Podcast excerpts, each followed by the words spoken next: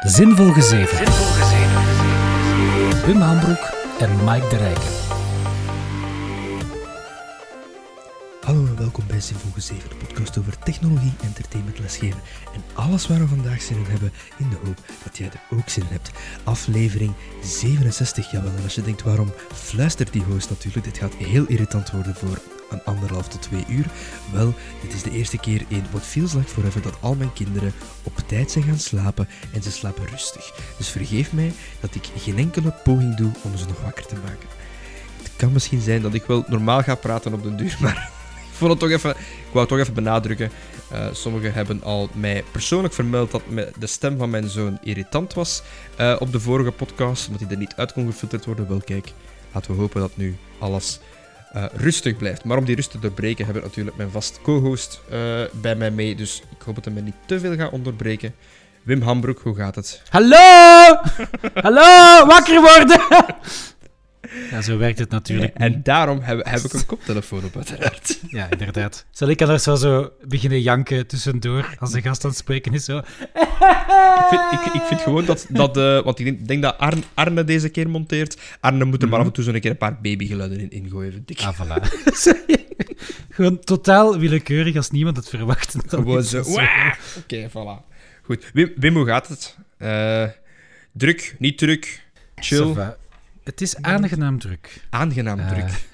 ja, dat verklaart ook weer, weer al waarom dat de podcast te laat is uitgekomen. Um, die nog moet uitkomen. Omdat er is ook een nieuwe toneelproductie begonnen. Ah. Uh, dus ik zit... Um, ik heb eigenlijk twee weken lang zo dagen gehad waar ik heel de dag moet lesgeven. Nog heel vaak ook s'avonds uh, op toneel zit. in het weekend had ik andere verplichting, dus het is er echt zo niet van gekomen. En dan was er één dag dat ik echt niks te doen had s'avonds. En Mike, dan heb ik gewoon Star Trek gekeken. Het maar... spijt mij niet. Dat is, dat is uw, uw default modus. Ik heb nog niks te doen, dat is, dat is echt wel, Dat is echt wel... Ja, maar er is weer... Ze zijn... Allee, het is niet meer bij te houden. Ze zijn, ze zijn nieuwe reeks aan het produceren dat niet meer, die niet meer schoon is. Ja, Wim, Wim, Wim, Wim, voordat deze trein het station verlaten heeft, met al de Star Trek-zaken, ga ik toch tenminste... Ik, ik, ik, praat wel even verder. Je mocht mijn kanaal gewoon uitveden. Doe Gelle even onder elkaar. Hè. Dus je hebt eerst Discovery, die dan aan het derde seizoen is. Dan is Picard ook begonnen. En dan gaan we zo Oké, maar dus terwijl uh, Wim rustig blijft verder lullen over Star Trek, hebben we natuurlijk een extra gast. Allee, extra natuurlijk. Het is niet natuurlijk, we wisselen af en toe af. Maar uh, Maaike Beuten heeft ons twee weken geleden vergezeld voor kunst. Dan hebben Wim en ik even nog uh, ons ding gedaan. En nu worden we vergezeld door... Um, ja, de EHB-maker himself, als ik hem even zo mag noemen. Uh, Oud-collega van sommigen, maar hij mag zichzelf voorstellen. Stijn de Mil, hoe gaat het? Sava, Sava, zeer druk eigenlijk voor het moment. Hè. en, dan, dus, uh... en dan zeg je, ik ga met uh, twee randos gaan praten op het internet voor anderhalf uur. ja, nee, maar ja, op het moment dat je het gevraagd had, en ik, ik, ik wist zo half wel wie dat jij waart. Ik wist vooral dat jij goed bevriend was met Leonie ja, klopt. en Filip. Ah. En ik dacht van, ja, oké, ik had, ik, had ook al, ik, had, ik had eigenlijk ook al wel goede dingen over u gehoord, Mike. Oei, oei, um, Allee, qua, qua, qua, lesgeven en zo. Hè. En dus ik dacht, ja, ja, dat is wel tof. Wacht, dan gaan we even dieper op ingaan. Ik vind lesgevers belangrijk. Hè. Dus allee, okay, misschien om, om, om mezelf even kort voor te stellen. Um, het is dus zo dat na mijn opleiding, ik heb zelf elektronica gestudeerd, um, ben ik beginnen lesgeven. Eerst vijf jaar op wat dat toen KO Sint-Lieve was in Gent. Ik heb ook mm -hmm. in Gent gestudeerd. Uh, ik heb daar eigenlijk mee aan de wieg gestaan van de ICT-opleiding. Um, allee, dat, dat, dat, was, allee, is ook nog altijd een professionele bacheloropleiding. Uh, um, dan na vijf jaar ben ik gestopt met lesgeven, ben ik even naar de privé gegaan, anderhalf jaar. Um, om vooral bezig te zijn met automatisering. Mm -hmm. En dan op een gegeven moment was de opportuniteit er en begon toch wel terug te kriebelen om, om, om, om terug les te gaan te gaan geven in het hoger onderwijs.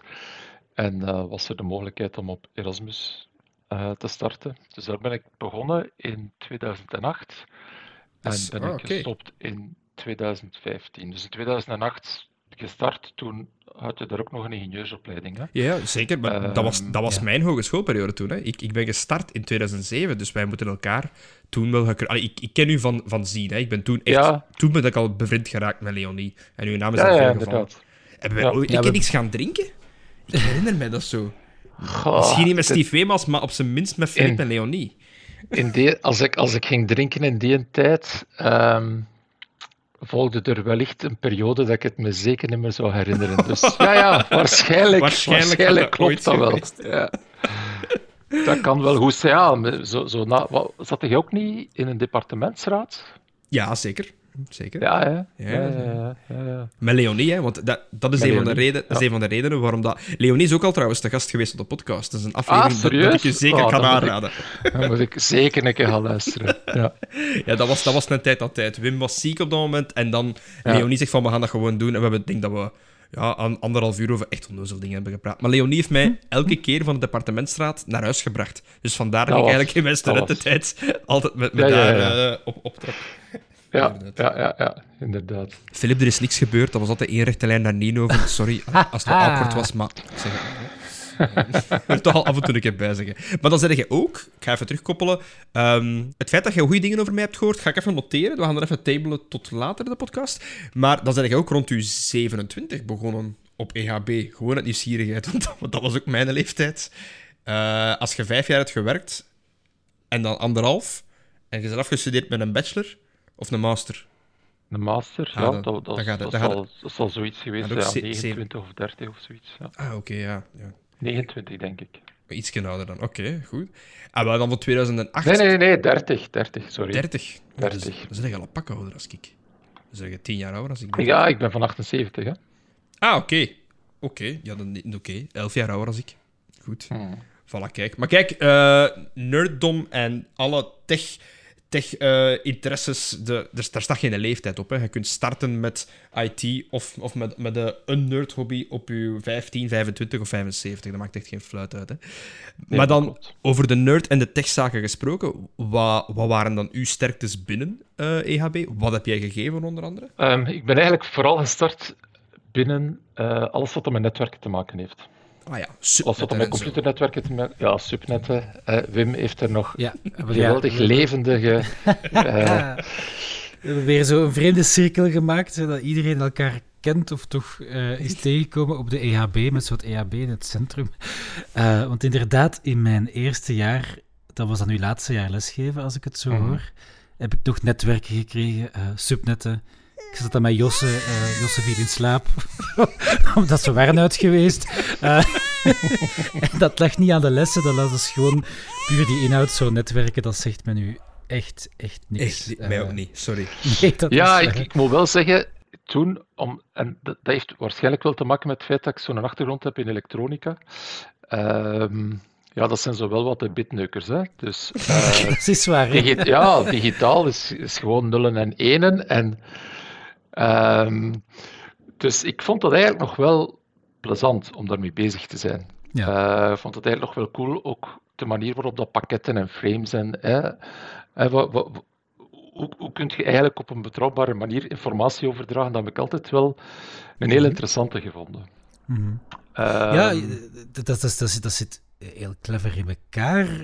Maar ja, ik weet niet. Ik vind dat zo, dat zo droog. ik weet het niet. Ja, maar ik, ik, ik, ik, moet, ik, moet, ik moet wel toegeven, want netwerken is zoiets... Ik, ik weet niet of ik het hier al vermeld of, of, of persoonlijk tegen u, maar je kunt een krak zijn in IT en dan toch nog gewoon ergens zo'n keer om de hoek kijken en nog een volledig ander domein zien waar ah, je niks van af kent. Je volgt de logica wel een beetje, maar netwerken is voor mij zo'n zwart gat. Ik herinner me nog de eerste keer dat Geert Coulombier tegen mij zei: Ja, maar Mike, als jij thuis dan uw Proximus-router en je hebt dan een tweede router, ah, je maakt gewoon van die Proximus een DMZ, je forward daar alles naartoe, daar installeert je OpenWRT op en ik zeg: Kerel. Allee, dat, is, dat, is, dat is echt Chinees voor mij. Allee, bedoel... Hm, hm, hm. Maar dat is uw data geweest. En dan voor de grootste deel, want jij hebt ook mee aan heb je ook niet mee aan de wieg gestaan van multimedia? Mm. Of niet? ik, ik, ik, weet het niet, hè, in hoeverre dat je daarbij betrokken was. Ik, ik, ik, ik ben, ik ben uh, uh, als, als de boorling er net was, ben ik uh, met een kop in de wieg gaan steken. dat wel. Nee, dat is, dat is, dat is echt, het, dat is echt ja, laten we maar zeggen, 95% het werk geweest en het zweet van, van Frank. Hè. Frank Lances, ja, ja, ja, Frank ehm, en Jan Klaas. Hè, dus die hebben dat eigenlijk volledig getrokken. Ik ben er wel, wanneer dat proces al uh, heel, veel, heel ver gevorderd was, ben ik er wel bij betrokken geweest op het ogenblik dat de idee ontstond om daar ook een soort van art and technology um, afsplitsing of specialisatie in te gaan voorzien. Omdat mhm. op dat ogenblik was ik al bezig met die FabLabs, of was ik dat al aan het voorbereiden. En internationaal was het wel heel duidelijk dat die FabLabs en die crossover naar multimedia, dus het fysieke en het digitale, dat dat eigenlijk wel een heel interessante, een heel interessante combinatie zou zijn. Ja. Ehm, en dus op dat ogenblik ben ik, um, ja, heeft, heeft, heeft Frank me daar wel voor een stukje bij betrokken, maar eigenlijk is, is dat Allee, daar, daar, uh, eigenlijk zou Frank daarvoor een standbeeld moeten krijgen. of op zijn minst als een foto daar ergens moeten omhoog hangen. Ja, ik meen dat eigenlijk ook wel. Bedoel, is... Zo'n zo'n bronzen plakje. Zo. Zo'n een, een bronzen plakje. Nee, maar dat is serieus. Uh, excuseer, we gaan dat 3D printen. Hè? Uh, we gaan dat ah, niet in. Ja, eigenlijk in brons. Ter, ter vervanging van dat, wat is dat, dat metalen waterval-ding uh, ah, daar ja. aan de ingang, hij zet dat daar. Dat ja, ligt, dat ligt toch... elke keer als gepasseerd. Dat, ja, dat, dat ligt toch ja. vol blikjes en regenwater, dus we kunnen daar even iets deftig zetten. Uh, ja, ik, ik, ik kan juist zeggen, misschien moeten we, moet ik hem ook even... Want die heeft ook wel hele boeiende inzichten en, en heeft dat van een volledig ander standpunt meegemaakt. Ik moet wel even zeggen, kaderen, uh, want ik weet nu al dat mijn vrouw weer gaat zeggen heb je nu weer iemand van EHB uh, als gast? Ik zeg, ja, dat zijn gewoon boeiende mensen, schat. Sorry, dat is nu eenmaal zo. En die hebben allemaal uiteenlopende zaken. Stijn kunnen we niet vergelijken met Maaike, kunnen we niet vergelijken met Leonie, al zeker niet. Dat is een unicum op zijn eigen ook. Allee, dus vandaar. Het kan nog zijn dat we EHB-mensen gaan hebben. Ja, er is altijd een beetje inside baseball, so be it. Maar iedereen heeft zijn eigen ja, specialisatie. En grappig genoeg zijn we er mm, mm. juist toe gekomen. Hè? Want je spreekt over de labo's. Wat, um, wanneer zijn die ergens opgestart? Dus voor de mensen die het niet weten, we hebben twee labo's. Het Fabrication Lab of Fab Lab en het Media Lab. Maar dat is ten tijde toen dat jij er was, helemaal toen dat je gestart bent, was dat, daar, was dat daar nog niet. Hè? Daar, stonden zo wat, daar stonden zo wat van die grote enge machines van de ingenieurs. ja, ja, juist, ja. ja, dat is juist. Dat was eigenlijk... Allee, dat één lok, het, well ja, er zijn veel muren uitgesmeten en dergelijke. hè, mhm, dus mm -hmm. waar dat eigenlijk het hoofdstuk is van, van uh, of het hoofddeel is van FabLab. Dat was vroeger eigenlijk een lokaal voor industriële automatisering. Dat is eigenlijk ooit nog een specialisatie, een, een heel kleine specialisatie geweest binnen toegepaste informatica. Ja. Dus ja, daar stond zo reusachtig, uh, allez, daar stond de grote KUKA-robot, ik zal het zo zeggen. uh, dus dat, daar, stond er wel wat, daar stond er wel wat machines. En waar nu het Multimedia Lab was, dat was eigenlijk een chemielokaal. Ah, ja. ah vandaar dat ik die uh, kook daarvoor... Um, ah, nee. Um, ja, nee. Er Erlen Meijers en zo van die zaken. Hè? Ja. Met bedoelde ja, ja, die, ja, Hij toch, die had die kook niet gestoven, hè? nee, die was niet meer goed. ik had hem tussen mijn broodje gelegd, maar dat wel wel. Ja. Um, uh, direct zo Breaking Bad toestanden opgaan. Hè. Ja, oké, okay, dat kan. Ja. Nee, maar dat, dat waren eigenlijk twee, twee labos die ook gebruikt werden door, door de ingenieursopleiding. Mhm. En dan is er natuurlijk een inkanteling gebeurd van alle ingenieursopleidingen um, naar, naar de universiteit. En bij ons was de partner natuurlijk de VUB. Mm um, dus ja, dat is een proces van lange adem geweest, hè, dat, dat ook met, uh, um, met de nodige moeilijkheden gepaard is gegaan. Um, maar dus dat betekent dat er, dat, dat er wel een optie was om ruimte te hebben. Um, dus dat was voor ons wel interessant. Um, maar wanneer is FabLab er gekomen? Dat is er eigenlijk gekomen vanaf uh, eh, 2011. Dus in 2011 ben ik eigenlijk via een congres aan Stoemelings in contact gekomen met die wereld van die FabLabs.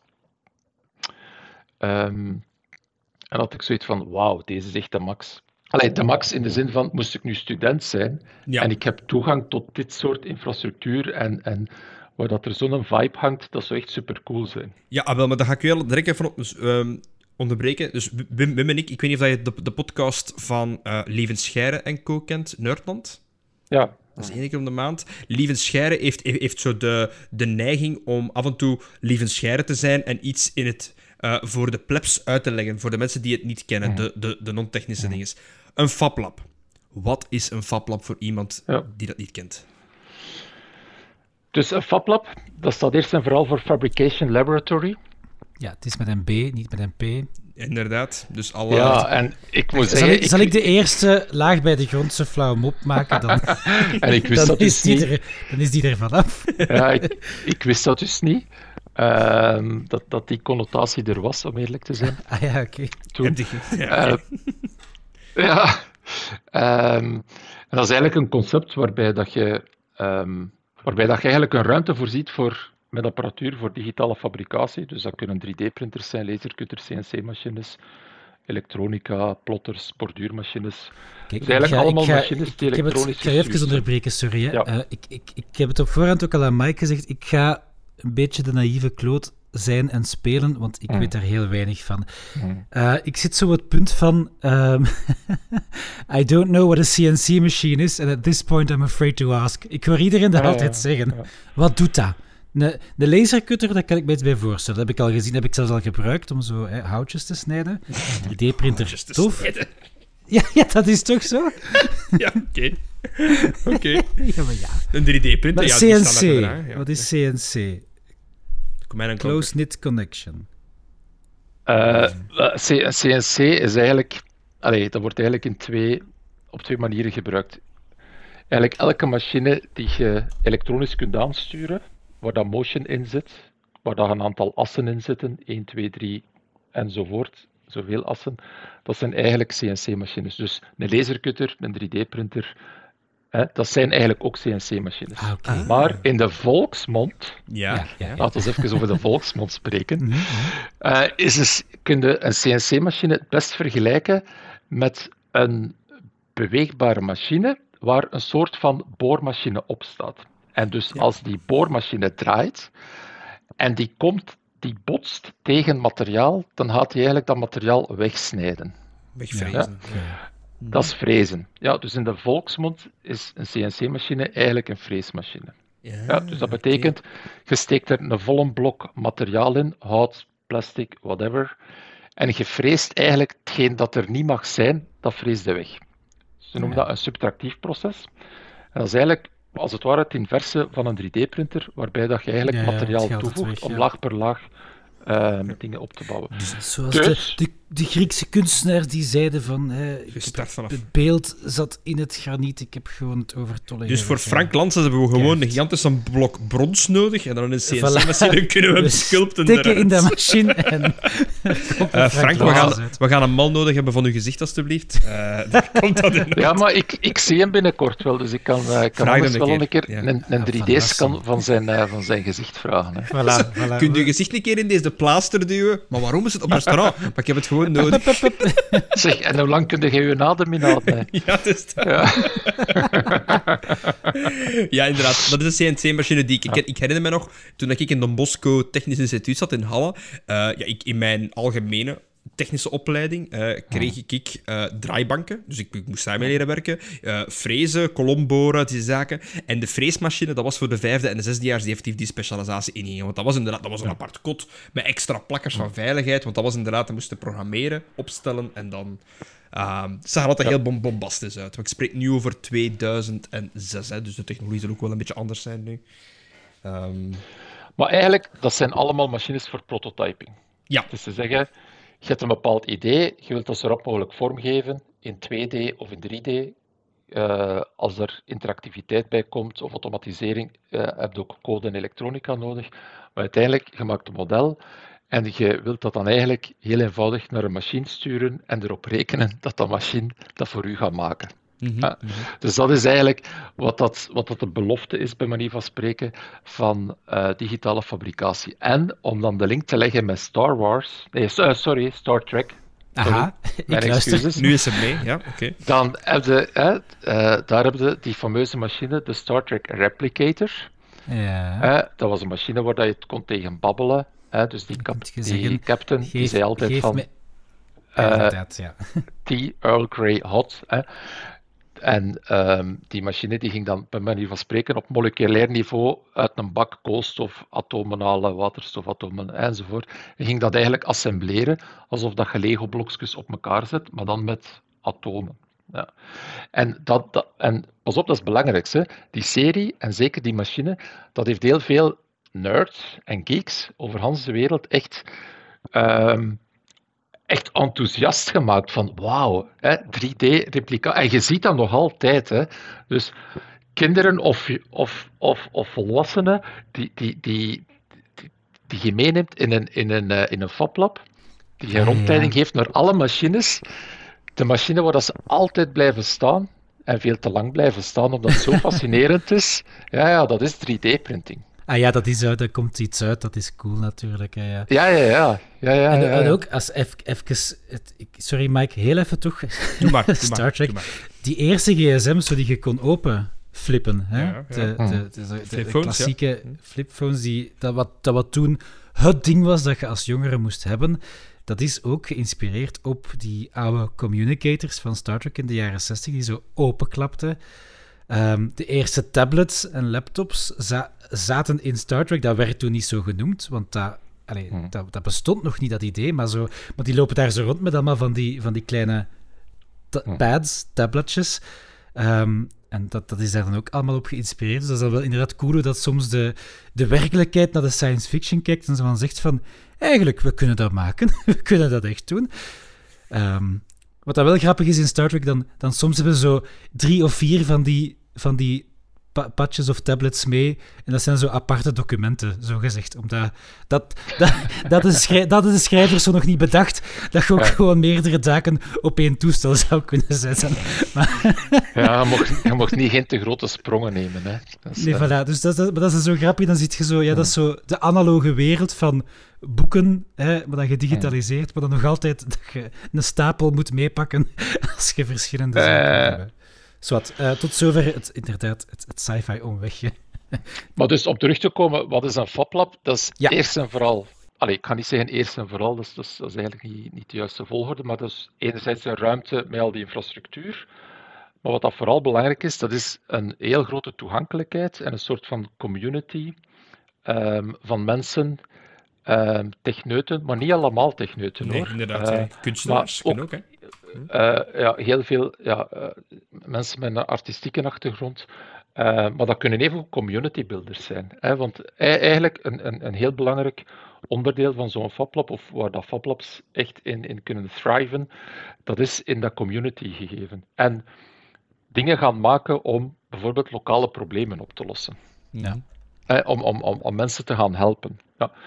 Ehm, en allee, ik moet, ik moet zeggen, ik, ik gaf al lang les en ik had nooit echt het gevoel dat ik, dat ik goed bezig was. Ehm, dus ik had, ik had, dus ah ja, echt een, een grote uitdaging is, is als, als leerkracht of als, als opleidingsinstelling, is natuurlijk hoe kun je echt intappen op die intrinsieke motivatie. Ja, dat Eh, is... hoe, eh, hoe, hoe, zouden, hoe, hoe, ja. hoe kun je nu ervoor zorgen dat je een context creëert die ook niet te veel, want natuurlijk, sommige leerkrachten hebben wel zo'n soort van charisma, mhm. eh, die, die studenten kan meenemen. En ik denk dat dat zeker, zeker interessant is.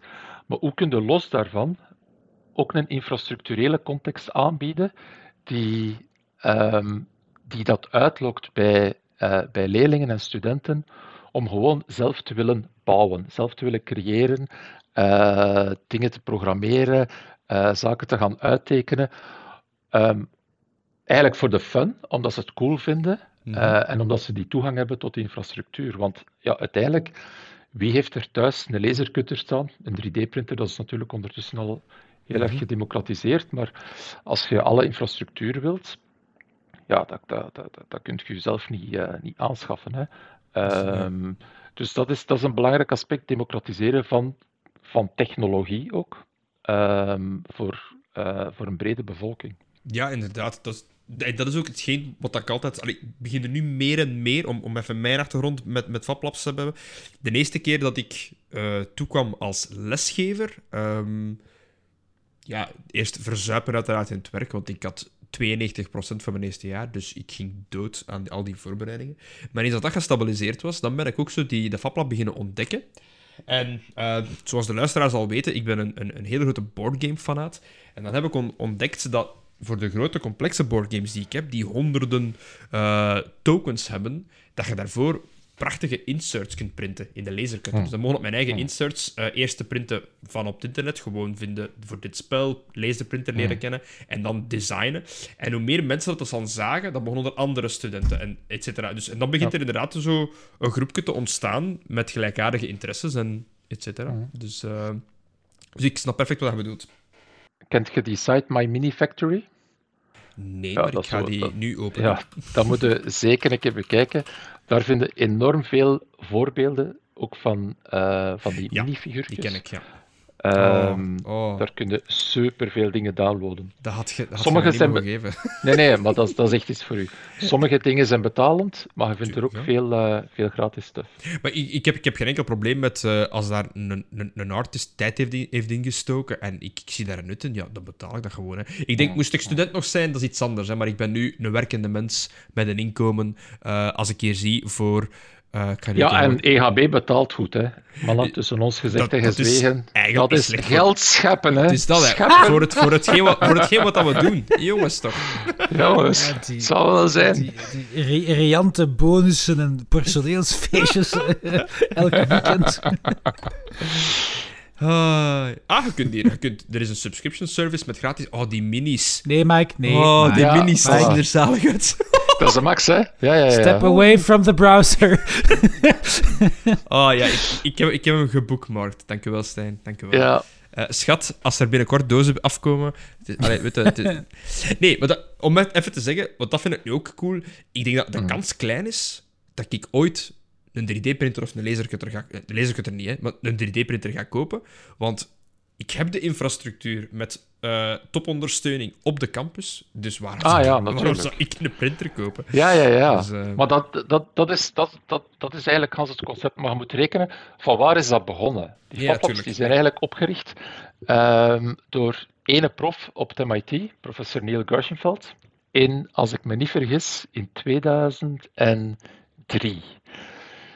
In 1998, dus in het vorig millennium, hè, um, dat is lang geleden, um, en die heeft nog altijd les op de MIT trouwens, had hij het idee van, ja, eigenlijk zou dat wel interessant zijn voor onze wetenschapsstudenten hè, die natuurkunde doen, of de ingenieurstudenten of de computer science studenten. Eigenlijk zou het interessant zijn, moesten zij um, al veel vroeger in hun opleiding een keer een cursus kunnen volgen om te leren prototypen.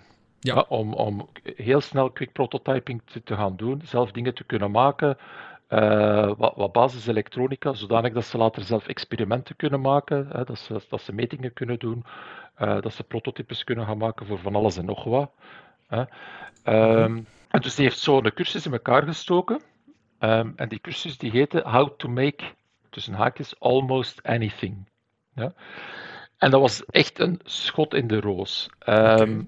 Dus er waren superveel studenten die die cursus wilden volgen. Maar wat dat bleek, dat was dat die studenten niet enkel wetenschappen en uh, informatica-studenten waren, maar dat er evengoed mensen uit de humane wetenschappen, uit de uh, lerarenopleiding, um, uit, uit, allez, dus eigenlijk van over alle departementen was er interesse om dat soort cursus te gaan volgen. Dus die had daar wel een gevoelige snaar geraakt, namelijk dat, dat, dat er wel iets in mensen zit om te willen creëren, om te willen bouwen. Mm -hmm. um, en, en zeker bij hele jonge kinderen is dat nog heel duidelijk aanwezig. En vaak wordt dat eigenlijk, of, of ja, hebben zo een collateral damage effect van het, uh, van het onderwijs, dat dat, dat, dat verdwijnt. Hè? Die, die, die goesting of die, die wil om zelf dingen te gaan creëren. Maar dat is toch, dat is toch wel een belangrijk onderdeel van ons, uh, van ons mens zijn. Um, en dus hij heeft, heeft die snaar aangeraakt en ja, dat heeft eigenlijk sindsdien, sinds 2003, is dan eigenlijk het eerste FabLab ontstaan. Heeft dat, volgt dat een klein beetje de wet van Moore. Ja, uiteraard, hè, je zet een nerd of je zet het niet. Hè. Mhm. Uh, dus uiteraard moet alles in termen van verdubbelingen om de zoveel tijd uh, uitgedrukt worden. Uiteraard. Ja, ja. het is... Um... Het blijft een geweldig gegeven. Hè. Zijnde van, met dat ik nu die interesse heb opgebouwd in de school, kijk ik naar veel meer zaken anders, vind ik. Uh, bijvoorbeeld, uh, uh, grappig genoeg, ik ben een nieuwe, een, nieuwe hobby gestart. Of ik, dankzij mijn vrouw die mij een leuk cadeau gegeven heeft voor mijn verjaardag. Dus miniature painting. Hè, dus ik wou dat altijd al een keer doen. Ontkoppelen van de PC en eens kijken of dat voor mij is. Ik heb er nu al eentje geverfd ik ben trots erop, maar er is veel ruimte voor verbetering. Maar inderdaad, ik heb allemaal verfjes en hoe ga ik die gaan stockeren? Ik kon daarvoor een grote doos kopen, een deftige doos kopen op een site. Maar dan dacht ik van, waarom kan het niet gewoon een, ja, een statiefje met, met, met alle plaatjes zeg maar 3D printen of lasercutten. Het is lasercutten oh. geworden. Dus met oh. eigenlijk een klein beetje onderzoek, een klein beetje geprutst met de 3D-printer en een uh, design van iemand anders dat ik een beetje getweakt heb. Voilà, nu staan er hier links van mij 50 verfjes mooi gesorteerd op kleur ehm, te wachten om gebruikt te worden. Mooi georganiseerd. Ik zou wel dus- eerst mijn gezicht nog een keer wassen, want het hangt vol met verf voor het moment. zeg, ja, het is een audio-only podcast. Hè. Uh, maar het ah, is, ik, ik heb de doos gezien er stond Warpaint op, dus dan stel ik me inderdaad voor dat je zo daar twee vingers in doopt en dan twee strepen ah, onder zo de ogen verft. Zo start ik. Dat is voor een sfeer te komen, hè? dus onder de ogen twee zwarte strepen. Nu snap ik het. En met een gele t-shirt, je gaat eigenlijk, vol, je gaat eigenlijk morgen vertrekken naar Oekraïne. Nee. Oh, oh, oh, het is gevallen. Het is ja, sorry, ik kon het niet laten. Wel, nee, nee, maar ik heb niet geen t-shirt aan, maar, maar, maar ook een blauw onderbroek. Dus op zich staat wel. Ik ben, ah, ik ben volledig in thema. Uh, Wel, maar die onderbroek had ik al gezien, maar uh, ik, wist, niet dat je ook een t-shirt aan had. Oh, dear god. Over Oekraïne gaan ga, we het inderdaad straks nog even hebben. Um, je hebt daarmee opgestart. We weten nu van waar dat... Dankjewel voor, voor de uitleg, want dat wist ik inderdaad niet van waar het eigenlijk allemaal van, vandaan komt. Zeer boeiend. Uh, Maar dan ben je zelf eigenlijk meer een entrepreneur-tour opgegaan. Was het al in 2015? Of was, is het al daarvoor begonnen en dan eigenlijk werd dat te druk en ben je gestopt met lesgeven eigenlijk? Ja, ik ben, eigenlijk ben ik zo niet, niet echt de klassieke... Allee, klassieke... Ik ben wel ondernemend altijd geweest qua, uh, uh, qua persoon. Mm -hmm. uh, maar dat is, dat is nog iets anders dan, dan, dan een start-up gaan ah, uit, de grond, uit, uit de grond stampen. Hè. Dus dat is iets anders. Nee, ik ben eigenlijk altijd gepassioneerd geweest door onderwijs. Ik moet zeggen, als ik net afgestudeerd was, ehm, dacht ik van Allee, dus wat dat eigenlijk altijd mijn grote droom geweest is, dat is eigenlijk om leraar wiskunde en fysica te zijn in het middelbaar mhm. onderwijs. Middelbaar, oké. Ja. ja. zo weten, in een acht uur richting. Zo echt om, ja, om ja. Snap ik, snap ik. De, de IW of, of de wetenschappen wiskunde of Latijnwiskunde zo echt een keer goed kunnen door, uh, doortrekken. Um, maar ja, dus dat is er, dat is er niet van gekomen. Uh, ben dan direct in, in het hoger onderwijs uh, kunnen starten. Waar je minder diploma's voor nodig hebt trouwens, even voor, even voor de duidelijkheid. Want zo ben ik, ik vind dat ook heel, heel boeiend, het complexe ah. gegeven lesgeven, maar in het hoger heb je geen, heb je geen diploma nodig hè, van lesgeven. Ja, bij mijn weten, in mijn tijd had geen enkel van mijn collega's eigenlijk een diploma. Nou, nu nog nee, dat is een grap. Dat is een grap. van Ellen geloof ik dat niet, hè. Gewoon geen diploma tout court. Dat is gewoon zo van... Weet, weet jij iets van netwerken? Kom maar, het is goed. Zeven, zevende jaar houtbewerking, voilà. Maar kom, kom, maar, kom maar subnetten uitleggen, kom in orde. Dat is niet zo moeilijk. Dat is, uh, gewoon cijfers op bord kliederen. Ze, ze, zullen wel doen dat ze het snappen. ISO-modellen, Wim. ISO-modellen. ja, ja. uh, nee, maar dus... Allee, dus, dus die drive, ook, ook in, uh, in Karel Sint-Lieven, om ik zal het anders zeggen. Eigenlijk wou ik het veel beter doen dan de leerkrachten die ik zelf gekregen had. Um, omdat zeker in het hoger onderwijs was ik echt. Ik heb in Hans mijn onderwijscarrière niet, niet zo'n. Ja, eigenlijk luie of tamme leerling gehad als ik zelf was toen ik in het hoger onderwijs zat. Enfin, dat heeft veel, veel, veel verschillende uh, redenen. Um, maar alleszins, de, de, de, de, ambitie vanaf dag één was, ik wil eigenlijk iets doen waardoor dat die leerkrachten echt, uh, waardoor dat de leerlingen uh, super hard gemotiveerd zijn om dingen bij te leren. Dus dat is echt een soort idealisme dat je hebt. Hè. Je, je, zoekt hè, alle mogelijke manieren om, om, dat te gaan, uh, om dat te gaan stimuleren, maar dat is niet zo eenvoudig. Allee, ik heb ook niet het gevoel dat ik er echt goed in gelukt ben. Af en toe wel voor bepaalde vakken die u echt goed liggen. Hè. Vroeger heb ik ook nog computerarchitectuur gegeven, dus ja, nullen en enen. Eh, assembler programmeren, dat deed ik heel graag. ja, echt waar. Dat, dat, deed, dat deed ik nu ook graag. Ja, heb ik niet naar de gehad, maar dat vond ik dan wel heel tof. Zo die ja. pointertjes en dan, dan kun je ook echt bitneuken op performantie ja, ja, en zo. Is... Oh, ik kan het in twee statements minder doen. ja. ja, ja, nee, maar dat is, dat is zo. Hè. Um, maar toen ik dan zag toen dat, dat concept van die FabLabs zag, dacht ik van oké, deze is gewoon. Dat was echt een openbaring. Hè? Dat was echt zo van oké, deze moeten we hebben op EHB. Ehm, en dat gaat echt een schot in de roos zijn voor onze studenten. Toen eigenlijk en de ingenieurstudenten um, en ook de studenten toegepaste informatica. En dan de aankomende studenten MCT. Ja, mhm, mhm. ja want dat, dat, is, dat, dat is exact wat dat gezegd is. Dus in, in dat opzicht heb je het dan wel wat bereikt, want dat is iets dat mensen doet aanzetten om te leren en te ontdekken en inderdaad het uh, ja, gaan experimenteren. Ik denk, ik heb altijd wel erg geloofd in om, om dat verder door te pushen. Hè. Dat idee van, hmm. die, van die learning labs, ehm, van het, het, het, het creëren ook van de infrastructuur en van de autonomie van leerlingen zelf om aan de slag te gaan met infrastructuur, zelf dingen te kunnen bouwen. En dus eigenlijk bij manier van spreken, project, projectmatig mm hun eigen, ja, voor een stuk ook hun eigen curriculum te gaan, uh, uh, te gaan opstellen. maar echt proberen die drie jaar die je studeert of die vijf jaar die je studeert ook zoveel mogelijk bouwen, bouwen, bouwen, zodanig mm dat, je, dat, dat, het, dat het echt in je vingers begint te geraken.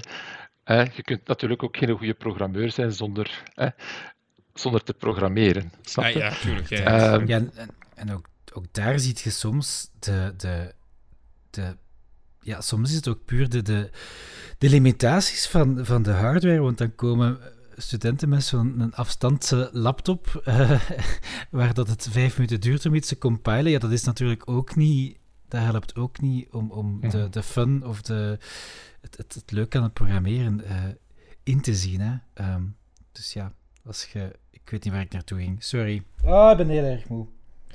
dus ja, als je inderdaad de plek... Ja, Mike, shut up. Nee. doe maar, doe maar. Niet zeggen. Nee, maar het, is, het, knip, coole is... Knip het er allemaal uit. Knip alles van mij eruit. oh. Mijn duim doet hier al zeer van altijd uh, die record op pauze te moeten zetten als het spreken bent. ah, je kunt dat er gewoon uitknippen. Ja, ja. ja. Um, wat ik wilde zeggen is dus, als je inderdaad die materialen ter beschikking stelt, de studenten die, die, het, die het echt gaan willen, die gaan het, uh, die gaan het doen. Alleen, ik moet wel een klein beetje mijn schaamrood toegeven. Ik weet niet, Mike, uh, tijdens je studententijd, heb jij veel in dat Medialab en FabLab gezeten? Dat was er toen nog niet bij mij, jonge heer. Hm. Ah, oké dan. Ja, ik was, uh, nee, dat, dat bestond toen uh, niet bij mij. Ik, ik vind het desondanks een flauw excuus. Oeh, jij bent in een ruimte geweest dat, dat er niet, niet bestond. Beetje ja, verbeelding, maar ik speelt ook D&D. Dat maar moeten voorzien, wat is dat nu voor iets? nee. nee, maar ik, ik, ik, ik, ik, ik ben daar nooit echt als student zo heel hard mee betrokken geweest. Achteraf gezien was dat een heel grote gemiste kans. Um, maar zo van... Ja, toen was dat... Dat voelde ik ga zeggen voelde, is, want het is mijn eigen ervaring, uh, toen meer als zoiets van, ja, maar dat is voor de, de toen Multec-studenten. dat is zo hun domein. En, en als toegepast informaticus heb je daar eigenlijk niet echt iets te zoeken. maar ik denk dat sommigen dat nu nog altijd voelen. Hoor. En ik, en ik, ah, maar die, die barrières proberen meer en meer... Allee, proberen we meer en meer naar, naar beneden te halen. Ik herinner me ja, wel, we proberen ze nu effectief van meer naar de, naartoe te trekken ook. Uh, maar dat was workshop week en zo. Of ja, dat was bij ons toch niet echt. En, dat, en ik zeg het, dat is geen excuus om het niet zelf te doen. Hè. Zeker niet, maar dat is ook een beetje de reden waarom dat we daar nooit zo echt uh, actief beland zijn. Um, als, als ik nu effectief een workshop had gehad, dan denk ik wel dat dat was gekomen. Maar ja, bon, ik zeg het, dat zijn excuses. Wat ook gewoon zelf een keer eens kunnen gaan zien. Uh.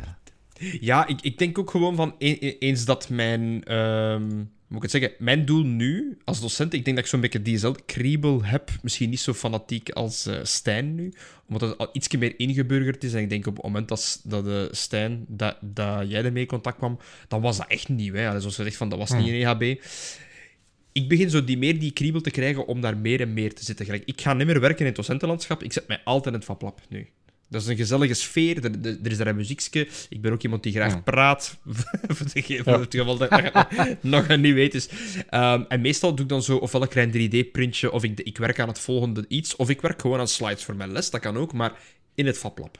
Omdat ja, maar dat, dat, die creativiteit, dat, ja. Tuurlijk. Hmm. Maar dat zijn ook gewoon toffe werkplekken, hè? Ik vind dat ook, ja. ja. Uh, ik denk eigenlijk, eigenlijk zou je daar gewoon ook een, een stukje coworking space kunnen van maken. Dat uh, is het plan trouwens. Misschien, uh, ah. Ik kan het, ik kan het al misschien even toelichten. Uh, ik weet niet, mm -hmm. naar de toekomst toe gaat dat ook publiek trekken, dus ik kan er hier dan maar eens reclame voor maken. Mm -hmm. um, ja, het, het FabLab is inderdaad van handen gewisseld en daar gaan wat ja, wijzigingen, inderdaad. verbeteringen dus doorgevoerd worden. Maar ik, ik ben, ik ben uh, een tijdje geleden ben ik daar nog een keer op bezoek geweest, uh, mm -hmm. bij Christophe Benoit. Het is daar dat ik u uh, gestrikt heb ja. voor deze podcast. Ja, ja, ja, ja, ah, ja, voilà, ja, dat klopt. Dat klopt. Ah, wel, maar dan nu, dus inderdaad, Christophe is nu de trekker daarvan. En ik moet toch even, ik ga even wel een hele grote shout-out geven aan onze nieuwe medewerkster van de Labo's. Uh, dat is Brit. Brit ja. is al op de podcast geweest, samen met denk dat dat met, met, met, met Pim was van Enigma. Ik denk dat dat in de eerste tien afleveringen was ergens. Dat die gezegd hebben van, we komen mee op de podcast, wat dat zalig was. Heel maar dat veel liefde. Heel veel liefde. Dat is een... Uh, ah ja, juist. Ja, ja, klopt. Ik herinner mij de, de titel. Die is van... Uh, uh, dus die is een... Dat is een alumni. Maar die is nu... Al zij, alumnus. Alumnus, ja, oké, okay, Wim. Ja, oké. Okay. Uh, ja, die, ze, ze, is er twee waard. Oké, okay, het is goed. Ze is er twee. Ja, ik vind, ik, vind, ik vind dat ook wel. Want ze is sinds na de, eh, of na de lesvrije week, dat ergens uh, uh, rond mijn verjaardag was, dacht ik, uh, dan is die begonnen. En ik zweer het u, wat dat die in twee, drie weken al verwezenlijkt heeft, die goesting dat die meebrengt elke keer als hij naar dat FabLab komt, ja, nee, dat is... Dat is zeer aanstekelijk. Dus Britt, als je luistert, ik ga het u waarschijnlijk doorsturen, dus je gaat moeten luisteren. Uh, doe, doe zo verder. Ik zweer het u, van, van, de, de goesting komt terug. En ik begin ook meer en meer zin te krijgen om tussen mijn lessen zo... Ik wil van elk toestel wel iets weten. Dus binnenkort... Ja, ik, kan, ik, kan, daar helemaal bij treden. Ik heb er ook al een paar keer mee gepraat met Britt. Dat is altijd, uh, altijd tof. Uh, alhoewel, ze had mij wel... De, de, toen ze. Ze had mij een paar weken geleden toch een vrij kordaat mailtje gestuurd van ja. um, de Focusrite is nog steeds uitgeleend. mm -hmm. maar dat is, ja, dat was een beetje, dat, dat was mijn fout, ik geef het toe, uiteraard. Um, maar ik had met uh, de vorige uitbater, om het zo te zeggen, had ik eh, afgesproken van kijk, ik hou hem als je hem nodig voor online les te geven. Uh, als je hem nodig hebt, laat weten en ik sta er binnen een dag met dat toestel. Um, maar ik was gewoon domweg vergeten van, ja, uiteraard, de FAPAS is veranderd, die weten dat niet. Ik moet het even opnieuw afspreken. En dan uiteraard zagen zij in het systeem een zekere meneer Hambroek, die dat toestel al een half jaar moest terugbrengen. Um, maar toen ben ik er naartoe gegaan en dat was een zeer uh, constructief gesprek en dat is allemaal terug uh, in orde gekomen. En, en dankzij die Focusrite heb jij een zeemzoete zoete stem op deze podcast. Ah ja, want dan is het... Uh, dan is het maar brak, Die webcam-audio ah, ja. is toch dan niet, hè? Nee, nee, dan is het weer de visbokaal. maar het is belangrijk hè, om, om goede mensen te hebben, zeker voor, zo, voor die labs. Dat is, mm -hmm. um... Ja, het is ook niet zo simpel. Hè. Je, je hebt mensen nee. nodig die, die en zo wat goed community building kunnen doen, maar die ook technisch voldoende sterk staan. Dus uh, dat zijn zeldzame, ja, zeldzame raden. Ja, en die ook, zoals gezegd, de community is ook belangrijk, want we hebben ook al Allee, er zijn een aantal mensen geweest die met dat FabLab zijn bezig geweest. Maar vaak uh, waren er ook situaties dat die er op bepaalde momenten alleen voor stonden. En ja, dan, dan begonnen er dingen chaotisch te worden en, en niet meer goed te verlopen. Maar dat, ik heb die personen dat zelf nooit echt zo kwaad, kwalijk genomen. Want ja, nee. als, als, je, als je niet, niet de nodige hulp hebt, maar dat is dan nu toch wel... Roeien met de riemen, hè. Het is, uh... Ja, voilà, voilà. Uh... En, en, en, dan om, om de laatste keer echt uh, het, het lof naar een Brit te gooien. Ik heb die al zien 3D-printers repareren zonder kennis te hebben van 3D-printers. Dus ik denk dat... In week 2 was dat, herinner ik mij. Ik kom toe en heeft hij jaar voor die vier Prusas gezet met de tafel. Die had daar de afgeprinte manual vol met aantekeningen. Wat hij dus gedaan, die had die manual afgeprint. Was die in thuis gaan studeren, s'avonds. Je had overal aantekeningen bij geplaatst, dus die wist hoe dat die werkte. Ze heeft dat ergens... Blijkbaar heeft een, een Prusa een Pinda-sensor. Vandaar. dus ik, ik, en dat, dat vond ze super grappig. Ik heb er even bij gezeten. Ik vind dat ook wel grappig. En ja, stel je voor dat er in die, in de, wat is dat, dat, dat plastic, dat daar een pindakken in zit. Ja, maar ja, stel je voor. dat is rampzalig. Dus die, die heeft daar de hele dag, ganse dag mee, mee, mee bezig gehouden, van, van uh, assen kalibreren tot effectief uh, die motor, de, allee, die motor, wat is het, bij, bij het fine-tunen. Mhm. Ja, inderdaad. En het werkte, hè. Na een, half, een dag. En ze wist het, hè. Zo van, nu weet ze wat ze die anderen moet doen. En stapjesgewijs is die die allemaal te repareren. Dus, en nu kent ze ook de, de, de rest. Dus ze leert daar niet alleen technisch bij, maar ze heeft ook al plannen voor het community gedeelte. Dus oh, ik, ik kijk echt... Ik hoop dat we dit gespreksstijn nog eens kunnen hebben volgend jaar. En eens kijken wat, wat, er... Uh, maar ze, ze, is inderdaad ook oud-student, maar ze heeft dan MCT gedaan waarschijnlijk, of... Ja. ja, ja, het is een multimedia-student en uh, die heeft toevallig, grappig genoeg, die heeft wel de, uh, van alle specialisaties in multimedia heeft zij degene gedaan, de, de meest artistieke, fysieke, laten we zeggen in de oude termen, art- en tech-opleiding. Klopt. Dus het, het, het, ligt in, in haar wheelhouse. Um, Maar ja, ik ben benieuwd wat, wat, wat, dat het nieuwe team, hè, zowel Christophe als uh, Brit, uh, Glenn, die ook voor de. Christophe dus, is ook een capabele gast, hè, dus allee, ik heb die. Uh... Ja, maar nee, maar dat is, dat is echt. Natuurlijk, ik, ik heb daar ook nog mee samengewerkt, hè, nog. Um, wacht, wanneer is hij begonnen?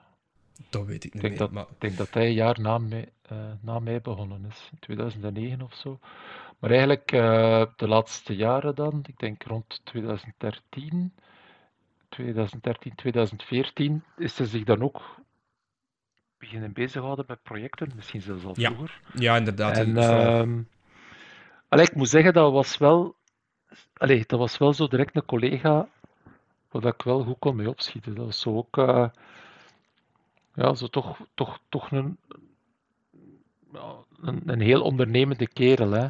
Uh, die, die, echt wel, die echt van business wel verstand heeft. Hij geeft ook een vak entrepreneurship. Dus daarmee... Ja, ja, ja. ja. Inderdaad, ja. Ik bedoel, geeft hij een week vakantie en die richt een bedrijf op. ja, ja, ja. Ja, ja, maar ja, tuurlijk, dat is zo. Het is zelfs niet eens zo hard overdreven. ja. Oké, maar inderdaad, van, dus ik ben benieuwd wat het, het nieuwe team van de labo's gaan doen. Ik denk echt wel dat we daar we hebben, coole dingen mee doen kunnen. We hebben grote bereiken. verwachtingen. Grote verwachtingen. Ik wil terug mijn boardgameavonden daar organiseren. Dat wil ik. Ja, ik, zou, ik zou gewoon willen vragen, als, als even gewoon tot de, tot de vakantie niemand die je Focusrite kan uitleden, dat zou, dat zou tof zijn. Zeg maar, ik zie, uh, ik zie daar precies nog, uh, nog veel materiaal staan uh, met een plakkertje van IHB op. ja, ik ga de webcam even uitzetten. ja, kijk. Uh, maar dus ik wil nog even afronden, die, uh, omdat je zegt van eh, community. Er zijn inderdaad plannen, uh, die worden getrokken door een aantal bedreven docenten ook binnen multimedia en die, allee, die zitten verspreid vooral, maar ik denk vooral in multimedia, om een open atelier op te richten. En dat open atelier, het concept daarvan zou zijn inderdaad dat er één dag in de week dat het FabLab uh, en Medialab open is voor docenten om eigen projecten uh, te doen. Eigen projecten met mogelijkheid op uh, ja, financiële stuff, dat maakt me niet uit. Maar bijvoorbeeld van als ik daar zit en ik zit daar voor een redelijk technisch developer-achtig project met, laten we zeggen, Arduino's en Raspberry Pi's, dat iemand dat daar ook zit met design, dat ik die rechtstreeks kan aanspreken en dat eigenlijk die, ja, ja, maar het is dat, hè. Daar, daar komt die kruisbestuiving uit. Hè. Klopt. Dat, dat, is echt, dat is echt fundamenteel in, in zo'n ruimte. Dat je echt, uh, vers, echt verschillende profielen bijeen hebt die je anders niet bijeen zou krijgen. Nee, en ook, het werken uh, ook constant, hè. dat is handig. Voilà, voilà, dus, voilà. Ja. Uh, dat hopen we inderdaad. Maar, maar als, ik, als ik een tip mag geven, mag Zeker. ik een tip geven Zeker. aan EHB en uh, vooral aan jullie, allez, jullie departement of aan jullie vestiging. Speel Brussel meer uit, dames en heren. Okay. Zeker internationaal. Okay. Vlamingen, die, allez, dat is kort door de bocht, maar die zijn niet zo zot van Brussel, om allerlei redenen. Mm-hmm. Maar in het buitenland wordt er wel naar Brussel gekeken als ze van, oké, okay, waar moeten zijn? Parijs, Londen, Berlijn, Brussel. Alleen in Brussel om een of andere reden capteren we dat niet genoeg. Nee. En dus, ja, dat is, bedoel, langs de ene kant eh, ligt je in, in, in, een buurt die, die, die, die zeer, allee, waar, waar dat veel kansarmoede is. Mm-hmm. Maar eigenlijk tegelijkertijd uh, is er ook veel kansrijkdom. Alleen wordt die ah, niet ja. ontgonnen. Ja, als je, als je gewoon kijkt naar al die kleine bedrijfjes, projectjes die rond dat kanaal aan, aan, uh, aan het opkomen zijn. Uh, en dat is nu al de laatste tien jaar zelfs, hè, waar ik over spreek. Uh, er is van alles te doen, maar je hebt inderdaad... Ja, maar ik bedoel mensen, het ook naar mensen, jullie... Mensen die, die zich daarmee bezighouden ook, hè. Ik bedoel het ook naar jullie opleidingen, hè. Je, je, zou, je zou echt in staat kunnen zijn met jullie opleidingen om, om, om echt een internationaal publiek aan te trekken. Ah, de, ik weet niet hoeveel dat ik daarvan mag zeggen, maar dat zijn we inderdaad... In een bepaalde zin zijn we daar heel hard mee bezig. Ah, en ik zou zeggen more coming soon, maar ik weet niet in hoeverre dat, dat ik zaken Ja, ja, mag, mag, mag zeggen van een Jurgen. Ja. Maar eh, ja, Ja, daar zijn we inderdaad heel hard mee bezig. En ja, zowel Nee, binnen toegepaste als, bij, Ja. als binnen MCT.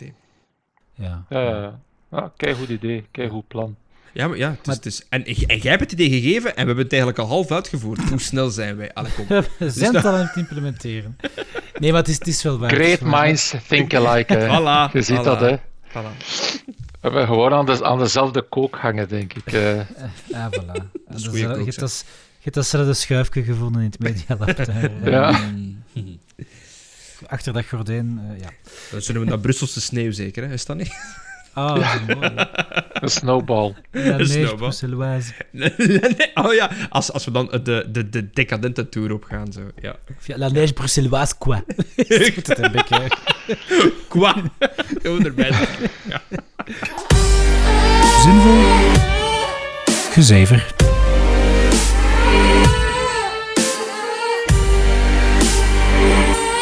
Goed, om even te pivoteren van het ene topic naar het andere topic. En terwijl ik eigenlijk al stiekem drie minis heb gekocht op de minifactory.com. Dank u wel, Stijn, daarvoor. ja, kijk, ik ben een enorme Witcher-fan. Dus het eerste wat ik opzocht is eh, een Witcher-miniatuur om te verven. En die staan daarop. Dus Witcher... Maar het is, het is de moeite, hè? eh, ja, het is de moeite, Mike. Ah. Ja, ja, ja. ja, Nu, ja, ik, ik, ik, ik, eh, moet ze wel nog eh, printen, hè, maar bon, voor die, die peanuts dat, dat dat kost, ik steun Mm. iemand en ik kan dat dan printen in het fablab en iemand ziet dat, Ja. krijgt ook zin. Het is gewoon... Voilà. Het is een gegeven. Ja, kijk. Ehm, resultaten binnenkort op mijn Instagram. Eh, maar, uiteraard, het is niet altijd... Ik ging juist zeggen, het is niet altijd kommer en kwel, maar eigenlijk is het momenteel niks anders als kommer en kwel op, op het nieuws, uiteraard. Want dit is de eerste aflevering sinds dat Rusland... eh, ja, aangevallen heeft in, in Oekraïne. Dat is effectief het... eh, het eh, hoe ik het zeggen? Hun militaire oefening, zogezegd, aan de grenzen... Is eh, Dus nu Het duurt wel lang, hè, de oefening. ja, het is dat. Maar dus de oefening is nu uiteraard geen oefeningen meer. Er zijn slachtoffers gevallen, zowel eh, militair, eh, militairen als ja, uiteraard ehm, burger, bur- burgers, et cetera. Dus ik weet niet in hoeverre dat jij dat volgt, Wim of Stijn. Ik zal even geven aan Wim eerst. Het probleem is, ik zit wat achter met mijn Guardian Weekly, dus ik weet zo nog niet wat mijn mening is. Snap je? ik lees dat boekje om te weten wat ik moet zeggen. Ah, nee, ja. ja, nee uit- uiteraard ben ik daar wel mee bezig, want ik, ik, eh, ik, ik, ik, ik ben... Ja, nieuwsjunkie is misschien overdreven, maar ik luister en kijk en lees wel veel nieuws, dus ik ben wel mee. En ehm, het minste wat je daaraan kunt zeggen is dat het, ja, het, is, het, is, het is een complexe situatie al altijd geweest. Hè? Die, die, die relatie Rusland-Oekraïne, gaat ook al zoveel eeuwen terug. Dus dat is, het is ook moeilijk om gewoon even daar een, een, een hapklare mening over te hebben. Dat gezegd Wel, zijnde, mening. een Ja, oorlog voeren is, is Ik nooit ehm, ik ging juist zeggen. ik denk- een oplossing voor welk pro- probleem dan ook. Eh, Maar ik vind, ik vind dat dat niet zo moeilijk is. Poetin dat is gewoon een, een, een ongelooflijke eikel. ik bedoel, dat is, dat is echt een complete maft. Ehm, wat dat hij nu Ja, hij is, hij is doorgeslagen. Hè. Dat, is, dat, is, dat is mooi begonnen. Hè. Die heeft in het begin heeft hij heel veel goeds gedaan voor dat land. Hij heeft, heeft economische stabiliteit eh, voor gezorgd, een sterk leiderschap. En dan is dat langzaam gewoon totaal dingen. ontspoord naar, naar, een we- dicta naar een dictatuur. Nou, maar bon, ik weet niet of dat je heel veel goede dingen kunt verwachten van eh, voormalige KGB-officiers die Nee, maar ik heb het nu effectief over... over maar dat is al, dat is al meer dan twintig jaar geleden. Ja. Hè. Dat, dat, dat, dat land lag een beetje in... in in Ja, shambles. Dus, eh, dat was een beetje een Ja. shambles en dan heeft hem wel effectief, dan had ze even een sterke leider nodig. Het probleem is dat, leider- dat hij het leiderschap nooit meer heeft, heeft willen afgeven. Klein Dat detail. is, eh, ja. Dus ja, ik, eh, maar ik, ik, allee, het, het, het, een van de zaken Ik dat ik... probeer nuance te, te, te, te brengen. Hè. Ik vind alles slecht, hè, voor de duidelijkheid. Ja, ja, het ik is ook kut, hè. Het is lastig als je Ja, een ja. discussie voert en er is maar één standpunt natuurlijk over de drie hosts. hè. Eh, maar ik, het, het, enige, het enige wat ik een beetje gaan opzoeken ben, is, en wat ik af en toe een keer zie terugkomen, ehm, op een bepaald punt heeft iemand was dan de president, ik weet het niet meer, beloofd dat uh, de, de NAVO of NATO, ik haal die af en toe een beetje door, door elkaar, dat, dat die niet meer... hetzelfde, hè? De, de, na, de, ah, ja, de na, NATO is gewoon het Engels en NAVO voilà. is in het, uh, okay. in het Nederlands. North Atlantic Treaty Organization of Noord-Atlantische Verdragsorganisatie. Wel, hmm. dat die verdragsorganisatie, dat die effectief niet meer gingen uitbreiden naar het, naar het oosten was dat. Hè? Dus, ja, uh, dat, dat, dus is, meer... dat is zo de Bill Gates-uitspraak van, wat is het... Uh, 128k should be enough for everyone. Hè? Dat zijn zo van die zaken die mensen zeggen en dan achteraf. Ja, maar het is, het, dat klopt inderdaad. Dat, dat, wordt soms wel gebruikt als drogreden. Hè. Dus Reagan heeft dat gezegd tegen, Gorbachev ja. hè, in de tijd van, van, van, van die onderhandelingen, die dan uh, uiteindelijk geleid hebben tot de val van de muur en eigenlijk de, de, de heel snelle afbrokkeling van die oude Sovjetstaat van tussen, tussen, acht, tussen uh, 89 en 91. Mm-hmm. Maar het punt is dat, dat volkeren, die zijn soeverein. Ik bedoel, Polen zijn geen Russen. Nee, ja, Oost-Duits, Oost-Duitsers zijn geen Russen. Nog voor ze aangesloten waren bij de NAVO. Ja. Dus ja, inderdaad, die waren al. Ja. Uh, Hongaren zijn geen Russen. Bulgaren zijn geen Russen. Moldaviërs zijn geen Russen. Oekraïners zijn geen Russen. Let wel, je zit, je zit daar wel met een belangrijke, een belangrijke Russische, Russisch sprekende, uh, mm. of, of, een belangrijke etnisch Russische minderheid. Mm. Dat wel. En, en, en, en um... Wacht, over wie heb je het nu? Wie is de Russische minderheid? In Oekraïne, die, die effectief ook wel een bepaalde bepaalde manier wat onderdrukt werden. Dat is een ah, van de beweegredenen. Okay. Uh, nogmaals, dat praat het niet goed, maar... ja.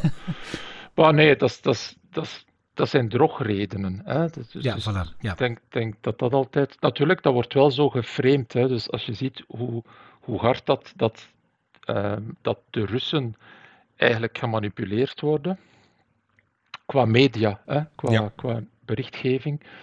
Uh, dat, is, ja, dat, is, dat is gewoon verschrikkelijk. Maar natuurlijk, dus in de Krim en in de Donbass, hè, dus die, die, die twee ja, volksrepublieken uh, in het oosten die, die, die aansluiten bij, bij Rusland, ja, da, da, daar, daar zit, allez, zat je en zit je nog altijd met, met een aantal separatisten uh, die wel ehm, terug naar het oude vaderland, zogezegd, willen gaan. Voor de vaderland Voilà, in de Krim ook. Dus ja, dat, dat, is, dat is natuurlijk niet zo'n evidente. Um, maar de, de, het idee van, van, van Poetin dat die voormalige Sovjetstaten dat dat, dat, dat dat een mislukking was en dat dat nooit had mogen gebeuren uh, mm 30 jaar geleden, dat daar, uh, dat daar die splits ontstaan zijn. Ja, dat, dat, is gewoon de waarheid uh, omdraaien. Ik bedoel, het is, het, is, ja. het is de wil van een volk. Als het de mogelijkheid heeft, gaat een volk altijd willen kiezen voor meer vrijheid, meer ja. zekerheid, um, eten op, op tafel, Natuurlijk, uh, ja. def, deftige gezondheidszorg, enzovoort, enzovoort. En dus een president van, van een ander land kan dat misschien niet prettig vinden, maar heeft zich daar eigenlijk niet over uit te spreken. Nee, en ook, allee, ik denk niet als de, de NAVO effectief geen centimeter was opgeschoven, zoals in de uitspraak, dan denk ik ook niet dat Poetin zich met wereldvrede had bezig. Allee, ja. Bedoel... Nee, en het is ook, het is ook wel raar. Ik bedoel, sinds, sinds, sinds uh, de Tweede Wereldoorlog, um, de laatste keer dat de Russen aangevallen zijn vanuit het Westen was, allee, was door Hitler eigenlijk. Hè. Um, maar in die 80 jaar zijn er nooit aanvallen van het Westen naar Rusland geweest. Maar zijn er altijd wel, nog altijd aanvallen geweest vanuit, uh, vanuit Rusland naar. Allez, uh, dus wat dat we nu mee, meemaken: Tsjechië, Moldavië, Georgië. Um, het, is, het, is, het, is, het is er altijd al ambras geweest, bij manier van spreken. Dus het, het, het idee van. Um, um, de NAVO mag niet opschuiven, want die gaan ons aanvallen. Dat is heel raar als je al 80 jaar de enige bent geweest die al aanvallen gedaan heeft. Ja, nee. En, en, en, en, de NAVO dient, de, de, reden dat dat is opgericht, is om even te verdedigen als er nog iets zou gebeuren, zoals een wereldoorlog. Dat was het hele punt. Hè. Dat is geen, niet in C een aanvals- of invasiemacht. Hè. Nee, nee, nee, inderdaad. Oké, ze zien dat misschien anders. Allee, of Poetin in zijn hoofd is dat misschien iets anders. Maar, maar ik, ik denk inderdaad van uh, het, het, het, machtshongerige uh, gedeelte van. Uh, het begint altijd maar te verergeren bij Poetin. En um, ik heb ook een aantal artikels gelezen van betrouwbare bronnen. dus niet halen, even voor de duidelijkheid. maar dus dat er inderdaad geruchten zijn, of, of, of dingen zijn, dat het inderdaad achteruit gaat met zijn gezondheid zijn de... Want die is 70 plus al, hè, Poetin, als ik me niet vergis. 70, denk ik. 69 ja. of 70. 79, inderdaad. Van. En dat het, dat het eigenlijk zo... Dat, hem, uh, dat, dat er ja, officieren zijn in zijn gedeelte dat het misschien niet mee eens zijn, maar je, je weet het, als je in Rusland, en zeker in die regio, zegt van, als je tegen Poetin nee zegt, ja, dan weet je wat er volgt meestal. Um, dus dat hem eigenlijk meer en meer labiel nog meer aan het worden is, en dat hij zijn trots niet gaat opzij zetten door nu te zeggen tegen iedereen, het is goed, we zullen wel vertrekken, want iedereen is boos op mij ineens. Hij is dus geboren op 7 oktober 1952. Oh, voilà, kijk, 70 dan. Dus dan is maar, oktober inderdaad... uh, 69. Ja, voilà. Oké. Staat een hele knullige foto van hem als kind. Oké. Fantastisch kapsel. Maar ja, dat, dat, is inderdaad, dat is inderdaad ook het probleem nu. Hè. Een, een, ja, een, een beer hè, eh, die in het nauw gedreven is, of, of een rat die in het nauw gedreven is, die kan rare sprongen maken. Dat is ook Hans het probleem nu met ja, in hoeverre kunnen wij Oekraïne gaan helpen hè? uh, om, zich, om zich te gaan verdedigen? Kunnen we er vliegtuigen naartoe sturen? Ja, nee, want die zou, die een idioot zou wel een keer op die knop durven, durven drukken. Daar heb ik echt schrik voor. Dat is echt ongelooflijk. Uh, ja, vorige week was ik er ook wel heel hard mee bezig. En in de zin van, want alleen je moet rekenen, omdat je daar juist, spoel even terug een half uur in de podcast, dat je zegt van, Brussel is internationaal zeer belangrijk. dus ja, zo, als, Je, ja. als je ergens de eerste raket wilt lanceren, dan smijten ze best op Brussel. Ah ja, want er zitten veel tops van whatever allemaal. Hè. Uh, Nu, ik, ik denk ook niet, en ik, daar, daar ben ik, ik ben niet militair uh, um, bekend met al die protocollen, maar ik vermoed dat als je een raket van Rus, ergens in Rusland naar het westen wilt sturen en op Brussel, denk dat je dan 15 anti-raketsystemen moet doorboren alvorens dat je erdoor geraakt, denk ik. Het Werkt dat niet zo? Plus hebben dan nog een keer file op de Brusselse rik, dus dat karakter gewoon van zijn leven niet. No way. Die raket blijft zo cirkelen. En dan zo op, op, op, op dan zo Studio Brussel van... En de raket van Poetin gaat nog altijd door, maar hier de nieuwste van Ed Sheeran. nee, maar wat? Uh, het, het, probleem is... Of ze zitten in Charleroi, want uh, als, dat is dan Brussels South, dus dat, dat, ja. dat, dat zich gemist. Als, je één raket afschiet en dan wacht en dan een volgende, oké. Maar als je er 6000 hebt en je schiet er bijvoorbeeld 2 of 3000 tegelijk af, oké, dan zit je gecharreld. Ja, ja, ja. Maar, dat kun je toch... Allee, in deze tijd kun je je toch niet voorstellen... Dat, want dan... Ont... Nu spreken ze over Wereldoorlog 3. Hè?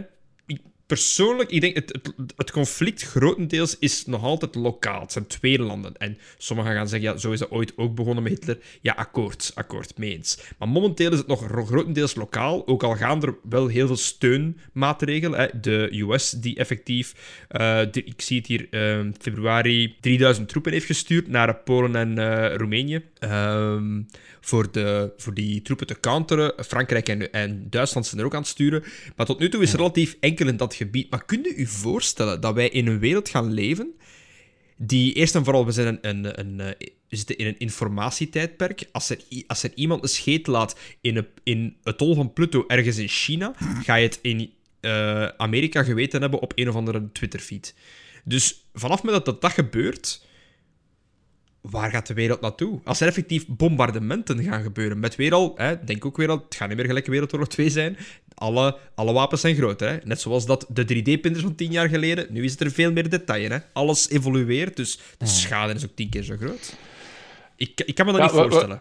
ik kan me dat niet voorstellen. Ja, wel, maar het probleem is dat we ons twee weken geleden, dat niemand zich kon voorstellen dat dat ze ook effectief zouden binnenvallen in Oekraïne. Het was allemaal van, ja, maar ze gaan dat niet doen en dat kan niet en dat zou echt onverantwoord zijn en veel vijf en zes. Nu, ik denk ook niet dat het gaat gebeuren, hè, voor alle duidelijkheid. Maar we hebben er alleszins nog nooit zo dicht tegen gezeten in de laatste, in de laatste 80 jaar. Je kunt alleen maar rekenen dat er toch nog een aantal uh, mensen in de entourage zitten, in die commandostructuur, bij de geheime diensten. Mm -hmm. die wel het gezond verstand hebben. Ja, en die wel een aantal dingen saboteren. Daar zijn precies toch wel wat aanwijzingen voor. Hmm. Uh, dat er ook wat interne sabotage is uh, bij de Russische inlichtingendiensten, wellicht ook bij het militaire, bij de militaire commando's. Um, en, en dat is goed. Dat is goed. Ja, ja. Want van wat je, hoort, wat je hoort waaien, dat is natuurlijk heel moeilijk om, om betrouwbare informatie nu vanuit Rusland te krijgen, is dat mhm. de, de, gewone bevolking ook helemaal niet zat te wachten hè, op, op zo'n oorlog. Uh... Ik heb daarmee te doen. Die worden nu van de buitenwereld zo hard afgesloten. En ik bedoel... Uh, Steam en Take-Two hebben hun gaming dingen stopgezet. Alle business daar is gestopt. Dus een tiener ja, en net, die thuis komt van het... meer. Serieus? Net, toch? Netflix ja, ja. Maar dus, in, je komt thuis van je harde dag werk in ergens ja, dingen, en je wilt Netflix kijken en dat gaat niet omdat Poetin aan het schieten is op, op, op een ander land. Dat, allee. Ja, sommige sancties snap ik meer dan, minder dan andere. Zoals het, het weigeren van studenten uit Rusland bijvoorbeeld, dat, dat begrijp ik dan niet helemaal waarom dat we dat dan doen. Want daar raakt je mensen die er uiteindelijk meestal niet veel mee te maken hebben. Maar bon. Wat dat je hoopt, wat dat je hoopt is dat je, dat je, dat je de publieke opinie die daar is, ja, dat, ja, je kunt, dat, dat, je die kunt bijsturen. Hè? Dat snap ik, ja. ja. Of dat je op zijn minst zegt van, ja, maar hoe kan dat nu dat iedereen tegen ons is? Misschien zijn we toch wel iets fout aan het doen. Allee, we niet, maar onze, onze leider. Wat ik vooral heb beseft eigenlijk, uh, om dan toch even zo terug te komen naar dat vorige onderwerp, van ja, als er bommen gaan vallen, ik ben ook wel vrij overtuigd dat het allee, dat hem eh, niet zo die expansiedrift gaat hebben à la Hitler, want dat, dat denk ik ook niet dat het Russisch leger aan kan op deze moment. Um, is China maar, geen bondgenoot? Uh, uh, ja, ja, dat is... Ja. Oh. ja ik wil niks maar, zeggen, hè, maar... Maar dan denk ik ook van, als, als er effectief hier terug Midden-Europa oorlog uitbreekt, maar als burgerbevolking, je zit sowieso gescharreld, hè. Ofwel moet je gaan vechten, ofwel moet je, ik weet niet wat, super lang wachten voordat er iets van buitenaf hulp binnen kan. Uh, en, ondertussen, en ondertussen wordt uw Netflix afgesloten. Ja, en als ik geen Star Trek kan kijken, Mike, dan, dan ja, ben ik dan, niet tevreden. Jij, jij denkt dat ik voor de grap zoveel verfjes heb gekocht voor mijn minis. Ik kan nu wel een, een paar maanden voort. Ik wil niks maar, uh, ja, alle gekheid op een stokje. Um, we proberen het hier en daar af en toe een keer in de luchtige noot, want het is inderdaad heel deprimerend. Um, ik, ja, ik weet niet wat ervan gaat. Want ik zie momenteel nog altijd geen einde aan het komen. Want ze zijn. Uh, uh, ze hadden even een. Vre uh, vredesakkoord is een groot woord, maar ze hebben even staakt het vuren voor. Ja, maar... voor iedereen weg te halen uit de haven. Dan beginnen ze bij iedereen weg te halen uit de haven, beginnen ze er weer op, weer op te schieten. Dus zelfs, zelfs dat wordt niet in, in eer gehouden. Het is, ja... Ik weet niet. Maar dat, is, dat is altijd een beetje geweest, zo... Poetin, dat is zo van, er worden internationaal regels en verdragen eh, gesteld. En hij zegt dan: Ja, ja. en dan doet hij nog, dan doet hij nog zijn ding. Zo, start het vuren? Ja, ja, ça va. Ik vraag mij gewoon af wat de gevolgen gaan zijn voor Rusland als effectief alles ingeperkt is. Hè? Dus het, het, het, vechten is gestopt, voor welke reden ook. Ofwel zitten er andere troepen die mee aan het vechten zijn, of ze worden teruggetrokken. Maar wat, wat zien we, als alles stopt, wat zien we binnen zes maanden in Rusland? Ander leiderschap? Ja, daar... Daar twijfel Maar allez, je moet je inbeelden, stel, stel je voor dat zij hier binnenvallen. Hoeveel haat plant je niet in elk van de mensen tegen die inval? Ik bedoel, wat, wat dat ze nu doen met Oekraïne, dat is, dat is direct voor één of twee generaties. Hè. Zelfs wanneer ah, ja, de wapens morgen neergelegd worden, er gaat geen ene zeggen van ah, merci. Hè. Nee, en, ja, nee, kom, nee, nee, we doen weer gelijk, eh, gelijk twee weken geleden. Maar nee, dat is, dat is, dat is kapot. Alle kinderen die, die nu geboren worden, die worden inge... Is een beetje hetzelfde met de, de 9-11 van Amerika. Hè. Vanaf dan was het van elke, elke moslim, elke donker, donkerhuidskleurige persoon uh, is nee, dat, uh, dat, een terrorist. Hè. Ja. Wat dat er nu gebeurt, is al een ramp. En de, de, de, de, de ramp kan alleen nog maar groter worden. Ik bedoel, al de mensen die nu op de vlucht zijn. Ja, 2 uh, miljoen, gaat, hè? 2 ja, miljoen. Om, om, om te beginnen. Maar dat is gigantisch, hè? Bedoel, ja. Wat, dus het aantal mensen dat Polen nu opneemt, ik denk dat dat tegen 1 miljoen is, dat gaat in, in, in, enorme druk zetten intern ook op die, op die gemeenschap. Hè? Want nu, de eerste weken is iedereen in shock en mm wilt je dat natuurlijk direct helpen. Ehm, maar binnen enkele maanden, zeker binnen enkele jaren, uh, gaat dat spanning met zich meebrengen. Ja, ehm, de vraag is natuurlijk, want op zich, als ik me niet vergis, zoveel echt gigantische schade is er niet echt buiten schermutselingen. Het is niet dat ze volledige steden kapot gebombardeerd hebben. Hè. Dat is nee, jawel, jong. Jawel, jawel. er is al, er is al gigantische schade. Oei, oké. In Kiev bijvoorbeeld niet, hè. Maar als je kijkt naar, naar het oosten en zeker naar het zuiden, dus de, de, de, de corridor die ze tussen de Donbass en de, en de Krim getrokken hebben, mm ja, wat dat daar al gebeurd is in die steden, dat is, Oei, uh, dat, dat is on, ongelooflijk. Hè. Dat is echt zo dus ja, die, en, die gaan en, meer, meer, kunnen terugkeren eigenlijk. Maar nee, gij, nee, gij, helemaal ah, niet. Dat, dat, is, dat is het probleem. Ja, en, en daar heeft Poetin een, een enorm slechte track record. Hè. Dus Grozny in Tsjetsjenië, dat is echt gewoon plat gebombardeerd. Er stond niks meer recht. Hetzelfde in Aleppo, wat dat eigenlijk nog niet zo lang geleden is. Dat is mhm. bombarderen dat geen naam heeft. Blijkbaar hebben ze al heel veel. Allee, ze bombarderen zeer veel. Maar ze gebruiken uh, niet zoveel precisiebombardement uh, of precisiebommen. Uh, omdat ze blijkbaar niet, niet, niet genoeg precisiebommen meer over hadden, omdat, omdat ze die allemaal verschoten hebben in Syrië. Dus smijten ze er gewoon al de rest van hun, van hun bucht op. Hè. Dat is, dat is, bedoel, dat is echt, dat is echt, dat is echt een, een een, een enorm grote schande wat dat er nu gebeurt. En het is in onze achtertuin. Hè. En pas op, ik ben er ook zelfs een beetje egoïstisch in. Hè. Moest dit nu gebeuren in Taiwan, dan op een of andere manier zou ik daar minder wakker van liggen, omdat het is veel verder. Uh, de, de, mensen zien er wat anders uit. Pas op, dat zijn eigenlijk allemaal foute redenen. Nee, natuurlijk. Uh, maar toch. Ja, maar, maar, maar, het feit, hè, dus, dus, bedoel, de grens met Oekraïne, dat is 1500 kilometer van hier. Hè. Ja, ja, ja, inderdaad. En, er zit, er zit, eh, qua afstand zit er één Oekraïne tussen België en Oekraïne. dus als ja, ja, ja, Oekraïne voilà, copy-paste, dan zit je aan België. Ja. Het is, ja... Um... grondstofprijzen, aardgas. Het was, al, het was al niet goed en nu is, nu is het gewoon aan het ontploffen. Het probleem is, dat gaat niet direct weg, wegvallen. Hè? Nee, dat gaat inderdaad even uh, aanslepen. Ja, voilà. Zelfs al worden de wapens neergelegd en is het vrede vanaf morgen no way dat die zware sancties dat die in de nip en de wip gaan teruggedraaid worden. Pas op, geld spreekt, hè. Als je effectief kunt... Allee, wat ik zeg het, als je... Um, is dat niet omdat er, zo, er is een bepaalde pijplijn dat, dat, dat dicht gegaan is, hè? De Nord Stream 2. De Nord, Stream 2, ja. ja. Maar, wel, maar, no, no way dat we... bedoel, die, die, die wending is ingezet, hè. Dus het feit dat, die, dat de Bundestag, dat die vorige week op een zondag bijeengekomen zijn om te zeggen, kijk man, het is hier gedaan. We gaan dit jaar nog 100 miljard euro investeren in defensie. We gaan onze militaire uitgaven verhogen naar 2% van het BNP. En je moet rekenen, ja, uh, Duitsland, die hebben een, een, een, een, een, uh, een bruto binnenlands allez, een, een GDP van ja, bijna 4000 miljard, denk ik. 4000 miljard mhm. euro. Gezellig. Uh, eh, 2% ervan en, en wij gaan allemaal meedoen. Hè. Ik bedoel, er is geen enkele die bij een volgende begroting gaat zeggen: ja, we gaan besparen nee, op uh, We gaan besparen. Nee, nee, iedereen gaat naar 2%. Dat is allemaal goed. Maar dat betekent dat er minder geld oh, zal gaan naar, naar onderwijs, naar, naar gezondheidszorg. Ja, je moet het ergens gaan halen. Hè. En plus economisch. Kunsten, hè. Altijd. Denk ik dat, uh, dat we er ook niet goed voor staan. Nee, ik denk, ja.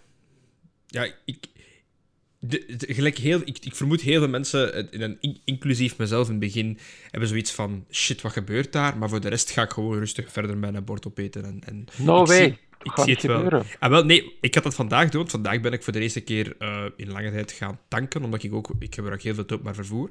En mijn tank mhm. was 108 euro.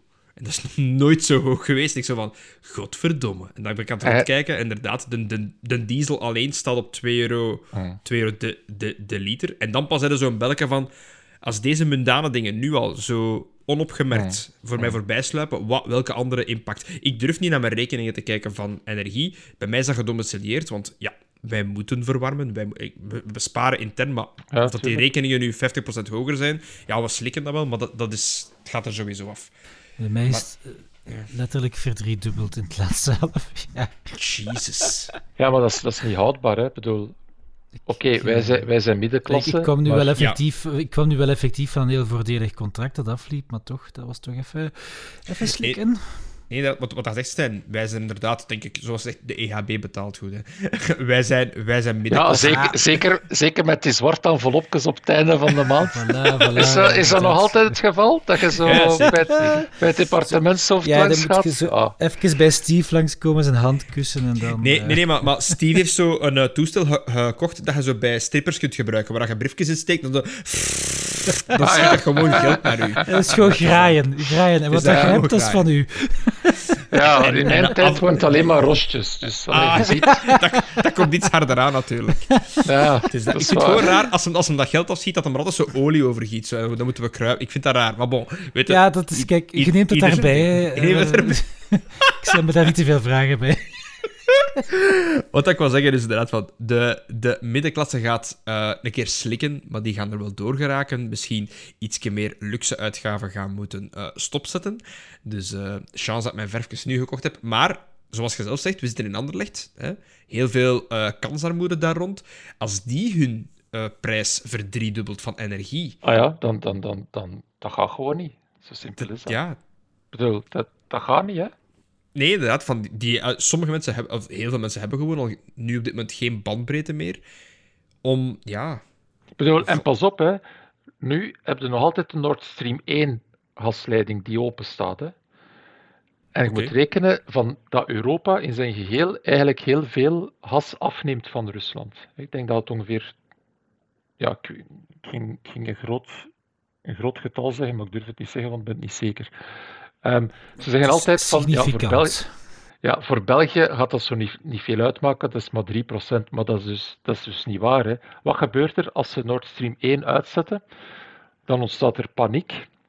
Al die, vooral in Duitsland, die Duitse industrie heeft dat gas nodig. Dus wat gaat er gebeuren op die gasmarkten? Dat zijn ook markten. Hè. Dat zijn Ja, markten tuurlijk, met vraag en aanbod, hè, waar dat België ook op zit.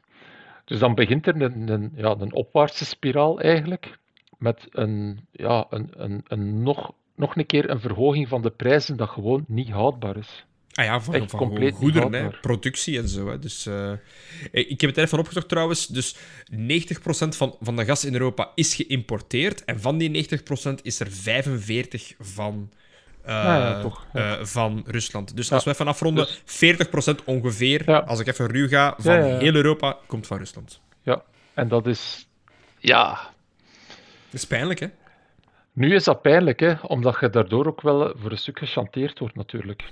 Ja, maar ook dat, ook dat is al jaren aan de gang. Hè. En, en, en dat is ook al zo vaak dat ze zeggen van we moeten daar vanaf. Misschien dat er nu dan effectief van komt. Het gaat wel even pijnlijk zijn, ja. Maar even, dat gaat niet, eh, allee, bedoel, dat gaat, dat gaat, bedoel, Mijn kinderen gaan er nog voelen, pijs ik ze. Oh ja, even. wij, wij, wij, wij gaan nu naar, ik ben ervan overtuigd dat we nu naar een collectieve verarming gaan, hè. Eh, dat, dat was het voor de aflevering van deze week. Eh, deze depressieve Ah, is dat altijd, is dat alleen maar positief misschien? Sorry, knippen mannen, ik meen het niet, echt niet. Het is om te lachen, Alles is oké, hallo. het komt goed. Het was, het was om te lachen, geloof dat niet, er is geen inval. Het is dat. Het is gewoon een speciale militaire oefening. Het is dat. Koopt u een nieuwe BMW maar op een lening, dat maakt allemaal niks uit. Voilà. Maar ja, Geen probleem. Ja, maar, maar ik, ik ben dan ook van, ja, dat zijn van die dingen die uiteindelijk uit uw handen liggen. Dus ik, ik Ja, probeer klopt. me daar ook niet te veel Ja, zorgen over maken. Hè. Ja. sorry dat ik, mij, dat, ik mij, dat ik toch terug een klein beetje tegengas moet geven. Nee, doe maar. Ik was, ik was zondag op een, eh, in, in Brussel op een protestactie. Eh allee, Oké. tegen, tegen de oorlog. En ik was eigenlijk wel Ja, ontgoocheld. voor, voor zou heel raar zijn. Zeg mannen, dat is hier toch tegen de oorlog, hè? Ja, ja, ja, dat is langs Het is toch de juiste. Ja, die- oké. Die Ja. pro is aan de andere kant. Dat klinkt als een Urbanus mop. is toch... Ja, Hey, mannen. ja, ja Nokko Colonel, ja. Maar dus, ik was eigenlijk wat ontgoocheld dat er zo weinig mensen waren. Ja, Dus, zo, goh, ja. In, in Frankfurt, in, eh, wacht, waar was het nog? In Praag, in eh, Parijs. Allee, in Frankfurt zijn er honderdduizenden mensen op straat gekomen. Ja, ik, ik bedoel, wij stonden daar met 2000 man. Waarvan dat zeker, zeker de helft echt mensen waren uit Oekraïne en uit Polen en, en, en dergelijke. Ik, wa- ik was eigenlijk, ik was eigenlijk wel wat gegeneerd daarin. Snap je? Ja, maar- daar ga ik een beetje tegen gas geven. Ja. Of, daar is mijn mening anders. Want ik vind die... Want wat heb je gedaan? Rondgelopen en, en geroepen? Of wat heb je gedaan? Ja, bakstenen door de ruiten Ah, ja, gesmeten. uiteraard, uiteraard, ja. ja, ja. Nee, nee, ik dacht van, ik ga er een keer van profiteren. Hè. Dus dat kan, kan dit gebruikt worden als bewijsmateriaal in de podcast? Is dat... Nee, omdat... Nee, omdat- nee, maar dat is, dat is een signaal dat je geeft. Eh, de- bedoel, die beelden komen ook terecht in Oekraïne bij de mensen die daar zitten. Hè. Dat is voor hoop te En- geven en zo. Oké. Van dat Ja, standpunt maar snap ook, ik je wilt ook wel wat druk zetten op, op je politiek. Pas op. En eigenlijk, de, de, de, het, hetgeen dat het, het, het, of de groep die het, het meest macht in de handen heeft, hè, dat is altijd dat is de burger of de consument. Hè. Consumenten kunnen een bedrijf kapot maken. Ja, maar niet talks, hè. Als je niks, niks koopt van dat bedrijf, bam, hè. Dan ben je... Ja. Alleen moeten consumenten, moeten burgers zich beter leren organiseren, eigenlijk. Ehm, om, om eigenlijk veel grotere impact te hebben op, eh, wel, op politieke processen en, en ook op, op, op andere dingen. Ehm, dus ja, ik vind dat wel belangrijk. Dat is, dat is natuurlijk.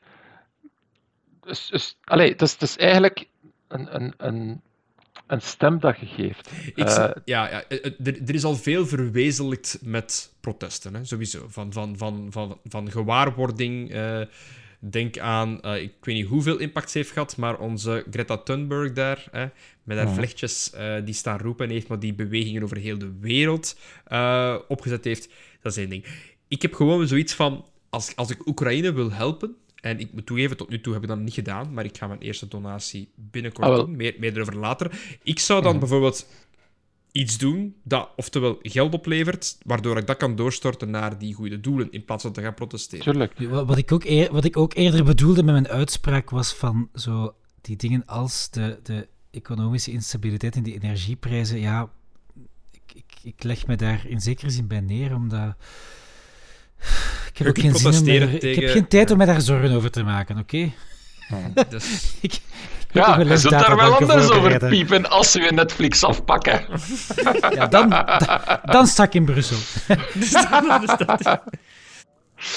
ik- ja, ik ben geen protester. Ik heb nog nooit in van mijn leven in een protestactie gestaan. Ah, ik wel, ja. Met, eh, met de Irak-oorlog bijvoorbeeld. Dan, eh, Maar pas op, ik heb ook nog niet, nog niet veel in... Pro Allee, ik zit nu te denken. Je, je zei iets grappig vlak in, in, in, in, in ons voorgesprek voor de podcast. Ik ben een enorme pacifist, had je gezegd. Ja, eigenlijk ben ik een enorme pacifist. En dus puur uit shock, denk ik, heb ik vorige week dus geld overgemaakt aan de centrale bank van Oekraïne, om daar, zodanig dat ze daarmee wapens kunnen kopen. Straf, hè? Prachtig. Ik had Prachtig. het eigenlijk... Bedoel, twee weken geleden had hij mij dan gezegd dat ik dat zou doen. Ik zou gezegd hebben van, wat voor zever is dat nu? Het is dat in je? 3D, Prinsen Jongen. Jeannette. En nu, ah, Ja, ja, ja. En nu echt zo verontwaardigd zijn. En dat, zelf, allee, dat, dat, dat zelf ook voelen van... Ja. What the fuck is deze? Deze kun je echt toch niet menen? Kom aan, jong. Die mannen moeten daar stingers en javelins hebben, zodanig dat ze die, die tanks en die, en die helikopters Daar, daar, daar uit de lucht kunnen, kunnen Misschien- schieten. Misschien moeten we daarmee afsluiten met, met een paar dingen die je eigenlijk kunt doen zelf, concreet. Ik heb, ik, heb er, ik heb er drie, ik heb er Ja. drie opgelijst. Ik- Als het ik, heb, er- ik, heb er ook, ik heb ook een paar... eh, ik, heb iets, ik heb iets geeky dat je kunt doen. Ik ook, ik ook, ik Om ook. de lijn van de podcast te blijven. Jij mocht eh, eerst. Ik juist. Maar ik ga gewoon de, de twee duidelijke. Hè. Eh, ik denk, als, allee, ik zou zeggen, als je moet kiezen, kies het één. Dat maakt eigenlijk geen fluit uit. Er zijn er twee grote eh, die ook op de doneeractie staan. Dat is eh, het, uiteraard het, het Ro- Rode Kruis. Voor de slachtoffers van de crisis, die hebben een Giro-nummer eh, of, of, of een IBAN-nummer, zie ik hier. Letterlijk waar je gewoon kunt op storten en die regelen alles. Het Rode Kruis, een ge- gekende organisatie, geen zwarte doos, die... die allee, die zijn gekend, die doen goed werk. Dat is het. En dan is er ook nog één, de, UN, wacht, de UNHCR, of de VN-vluchtelingenorganisatie. Hmm. Ehm, ja, we, we, we hebben het daar juist al gezegd. Hè, de 2 miljoen, en het is nog maar het begin, hè, van mensen die huizen kwijt zijn, familieleden kwijt zijn, die 1, 2, 3 landen verder zitten, um, zonder een of andere... Ja, die kunnen er meer aan, aan hun rekeningen. Hè. Met dat SWIFT dat daar geblokkeerd heeft, ook zo van die zaken. Dus uh, de VN-vluchtelingenorganisatie, we zullen de links allebei, of allemaal, dat we hebben in de show notes zetten, zodat je daar kan gaan. En ja, elke euro telt. Hè. Uh, al is het maar 1 euro, uh, het is iets. Hè. Of ga rechtstreeks gaan doneren voor wapens uh, als stingers en javelins meer uw ding zijn. Dat kan ook natuurlijk. maar dat zijn er twee die ik hier had opgelijst. Mhm. Ik heb hier ook nog een heel, een heel goed IBAN-nummer. wacht, ik ga het even voorlezen. Nee, nee. dus Gewoon niet waarom, waarom pakte jij je kaart? BE 0900. BE 84 uh, 7390 0903. Ja, misschien moet ik het niet helemaal zeggen. Kan dat eigenlijk kwaad als je rekeningnummer gewoon... Kunnen ze daar iets mee doen? Nee, ik, ik denk... Uh, mijn uh, bomma, of nee, of mijn, mijn, mijn, mijn tante, die, die had daar schrik voor. Ik vraag vaak, zeg maar, ik zal het je overschrijven. Ik, ik, ik, geef mijn rekeningnummer niet aan u, hè. Nee, nee, ah, serieus? Dat, ja, dus, die had schrik daarvan. Bomma vertrouwt u niet, daar komt het nee, nee, nee, nee, nee, maar die, wat, nee, of, of, of door sms'en, nee, nee, nee, nee, nee, we gaan dat cash regelen. Maar dat zijn mensen die, die niet vertrouwden in de, digitale dingen. Maar mijn bankrekeningnummer kun je niks anders doen dan geld op overschrijven. Uh, nee, ja, ik, vroeg het me af. Misschien of als je de bank hackt, van... kun je de ID eraan gaan koppelen. Dat is iets anders. Bitte, uh, zat. Um, dat waren uw tips. Ik heb ja, ik heb, ik, heb, ik heb, er nog één, maar ik vermoed dat jij die in gaat hebben. Dus ik geef de eer aan u. Spannend. Um, als je niet noodzakelijk geld wilt of kunt geven, uh, is er ook een heel gemakkelijke manier om te helpen. Want wat altijd problematisch is in uh, van die repressieve regimes, is toegang tot internet, vrije bronnen, uh, Facebook, uh, westerse media wordt geblokkeerd en dan uh, kun je als journalist of burger Tor gebruiken um, hmm. om zo toch die staatsproxies of DNS'en te omzeilen. Um, en Um, heel kort, Tor bestaat eigenlijk gewoon uit een netwerk van mensen die toegang hebben tot vrij internet, waar langs dat het, het, uh, de trafiek dan wordt gerouteerd. Dus hè, het trafiek, het, de pakketjes, als we het dan toch terug over uh, ja, uh, netwerken, alles komt terug op netwerken. Voilà, alles komt terug. Wordt dan omgeleid via andere landen, andere mensen, om dan zo te doen alsof je computer eigenlijk ook... ja, dan, is, dan zijt je ten eerste anoniem of anoniemer dan kan de overheid niet zien dat je naar websites surft die uh, niet mogen voor het regime. En aan de andere kant, dan kun je aan websites die geblokkeerd zijn. En je kunt een extensie installeren, Snowflake, voor zowel Firefox als Chromium browser. Dus uh, Chrome, Brave, um, Edge, um, werkt dat allemaal. En je moet dat gewoon installeren en vanaf dan is uw browser, uw computer, als die open staat, een uh, Tor-node. Dus dan kan er trafiek via u Ehm, passeren. Dus je gaat een klein beetje van je internettrafiek eigenlijk doneren aan iemand anders.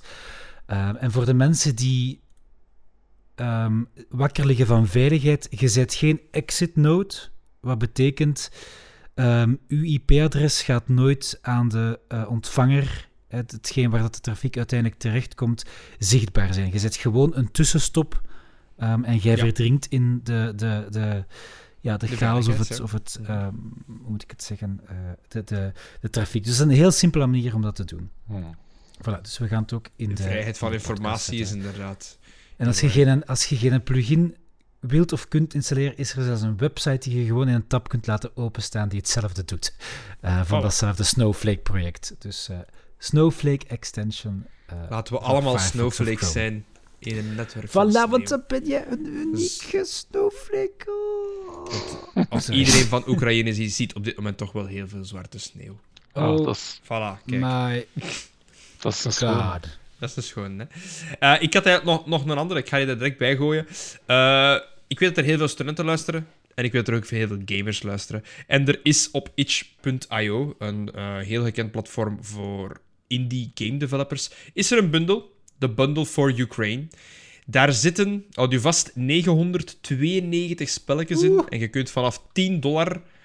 Kunt, heb, je, heb je die allemaal en die gaan rechtstreeks naar Oekraïne. Die hebben momenteel al... Die spelletjes of dat geld? Alles. naar uh, Poetin, dat de mama shareware krijgt. Nee, nee, nee. Uh, het geld. Dan is hem afgeleid, dan is hem aan het gamen. Stel je voor. Momenteel hebben ze juist geen 3 miljoen ingezameld van de 4 miljoen als goal, wat dat gigantisch is. Oh, dat is nice. Uh, dus inderdaad, als je zegt van kijk, ik ga toch een keer spelletjes spelen, ik wil mijn, uh, mijn uh, backlog nog groter maken. Wel, je kunt er juist geen duizend spelletjes direct bij knallen. een aantal aanraders die ik er al die ik ken, dus Liminal Horror, Skatebird, Cloud Gardens zijn een aantal van de superhot voor VR. Ik ga er even heel snel doorheen. A Short Hike heeft heel veel prijzen gewonnen. Baba is You, super grappig, kijk kort. Er zit heel veel coole dingen in. Uh, Celeste, my god, er zitten echt super veel goede dingen in. Ik, ik, allee, Jotun, Minute. Het zit, er zitten heel veel indie darlings in die normaal alleen al 10 of meer dollar kosten. En voor 10 dollar hebben we nu 1000. Dus uh, ik heb eigenlijk meer schrik wat dat gaat doen met mijn library op Steam dan dat Inderdaad, ik... Uh, dat is gewoon wat, ik, denk, ik, ik, denk, ik, denk, ik, denk, niet dat dat op Steam is. Dus dat is op die itch.io dat je dat kunt downloaden. Alle, ah ja, DRM Free zat erbij. Dus 10 dollar voor het goede doel en je kunt spelletjes spelen. Dus Game for Ukraine. En uh, misschien moeten we nog eens een charity stream nice. doen. Ah, het, het, is, het is minimum 10 dollar, dus je kunt ook gewoon een, een donatie doen van... Het is 10 of meer. Ja, inderdaad, ja. Klopt, klopt. Minimum. Maar ja, bon, we spreken tegen studenten. Ik weet dat studenten inderdaad, als ze hun vijfde Aiki-noodles van de week aan het opeten zijn om uh, centen te besparen, omdat ze te veel ja, zijn uitgeweest. Hey, weet je wat ik heb ontdekt? In, in, het, in het studentenrestaurant, in die automaten, ze kunnen tegenwoordig Aiki-noodles ja, ja, ja, ik had ook zoiets van... Hmm, dat is het begin van het einde. Stel je voor, komt zo soms op school toe, een noedelke doen. ik vond dat wel lekker. Ik heb dat tijdens, tijdens uh, parties heb ik dat keihard gegeten. Ja, ja, tuurlijk. Ik heb dat, het heeft mij door mijn studententijd getrokken, die, die, die, die ja, geen noedels.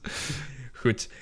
Zijn er nog uh, closing thoughts? Heb jij soms uh, adressen, Stijn, waar dat je mensen naartoe kunt sturen? Of, of vond je dit een goede selectie van ons? Ja, ik vond dat wel goed. Ja, het Rode Kruis, UN is... Uh, wat was het weer?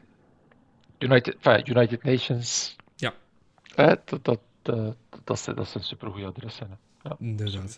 Goed, om dan hier af te sluiten. Dus ik hoop inderdaad dat we er.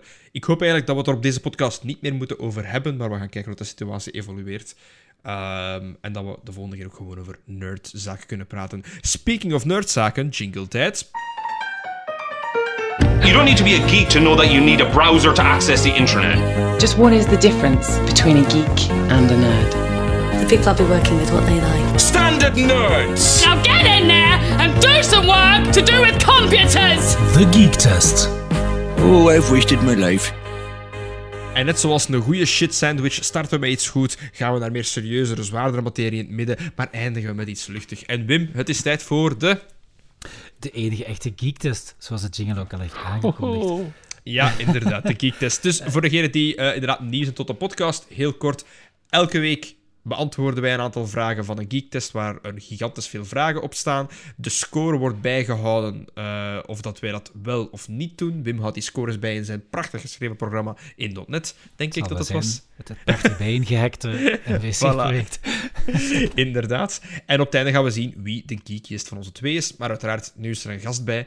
Dus we gaan eens kijken uh, of Stijn ons kan bijhouden. Hè? De, de, jingle is trouwens um, het, het, deuntje dat ik er heb ondergezet, want ik dacht eerst zoiets 8-bit-achtig te pakken.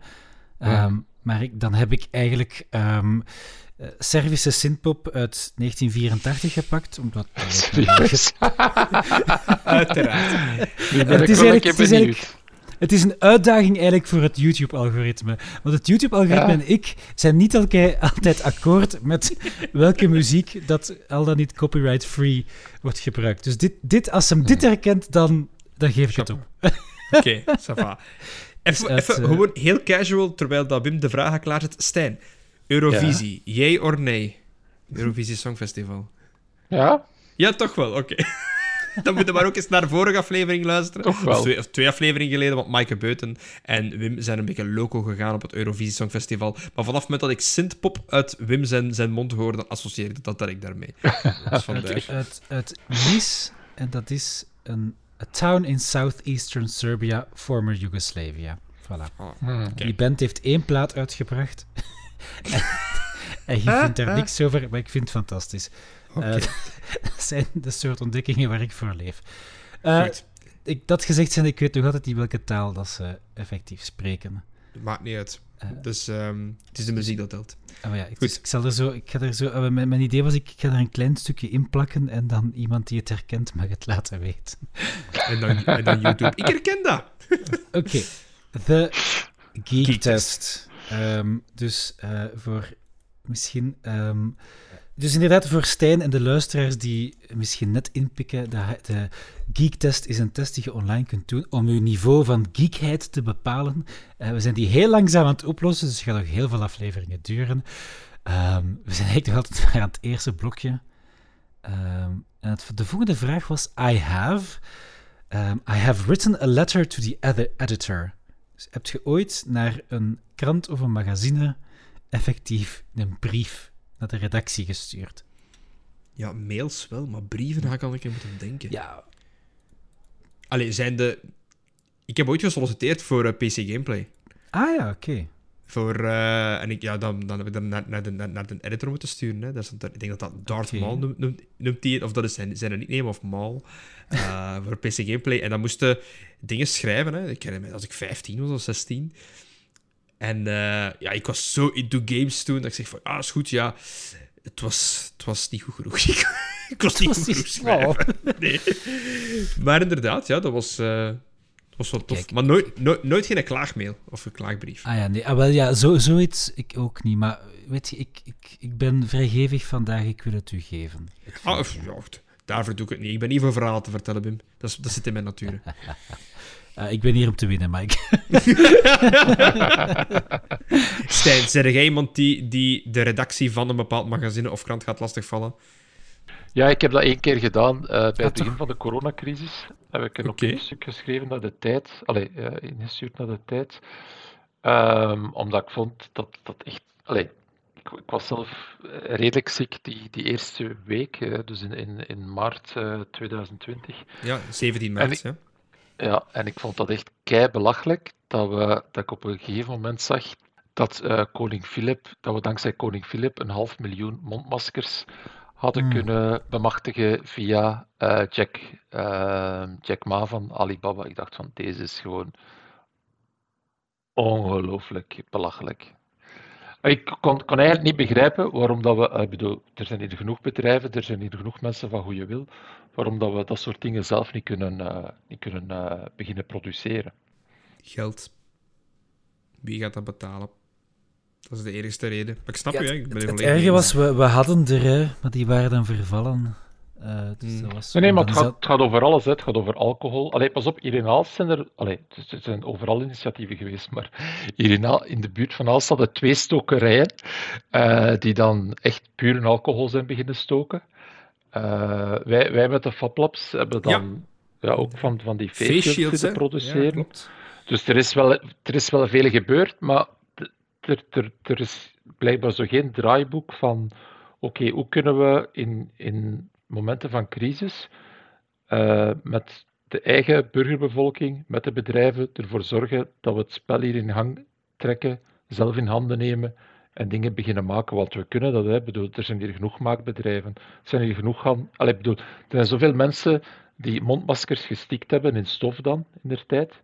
Ja, mhm. of dat die echt werkzaam waren, dat is weer iets anders natuurlijk. Hè. Maar um, bedoel, er, er, er kan heel veel. Hè. Als je mensen mobiliseert, kun je heel, en, en, en als, je, als je dat wat kunt aanpakken, um, ja, kun, kun er snel oplossingen komen. En, en ik had het gevoel dat we de eerste maanden terecht naar aan het kijken waren.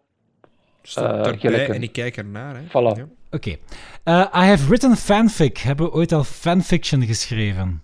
In eender welke vorm? Ja. Ah ja, ik was het vergeten.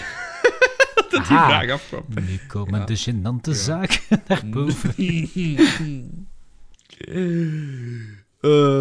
ja, ja, ja, ik heb al Harry Potter fanfic geschreven. Effect? Maar ja, en... nooit niet... Ik weet niet, misschien okay, heb dat ooit gepublished, maar ik zou niet weten waar ik het gepublished heb. Dat, dat, het zo heel veel van die nooks en crannies op het internet, dat die ja, fictie verzamelen. ik heb, ik heb al Harry Potter fanfic geschreven. Mm -hmm. uh, in de zin van... Wat was dat toen? Ik denk dat ik mezelf als karakter uh, erin heb gestoken. Als in de zin van, van dat ik een van de hoofdrollen was. Omdat ik vond dat toen, met dat ik zo fan was van, van Harry Potter en het feit van dat je in een volledig andere wereld kunt terechtkomen, uh, de beslommeringen van de dagdagelijkse saaiheid weg kunt doen en godverdomme toveren en, en, en, en, en iemand uh, ja, vervloeken, als het ware.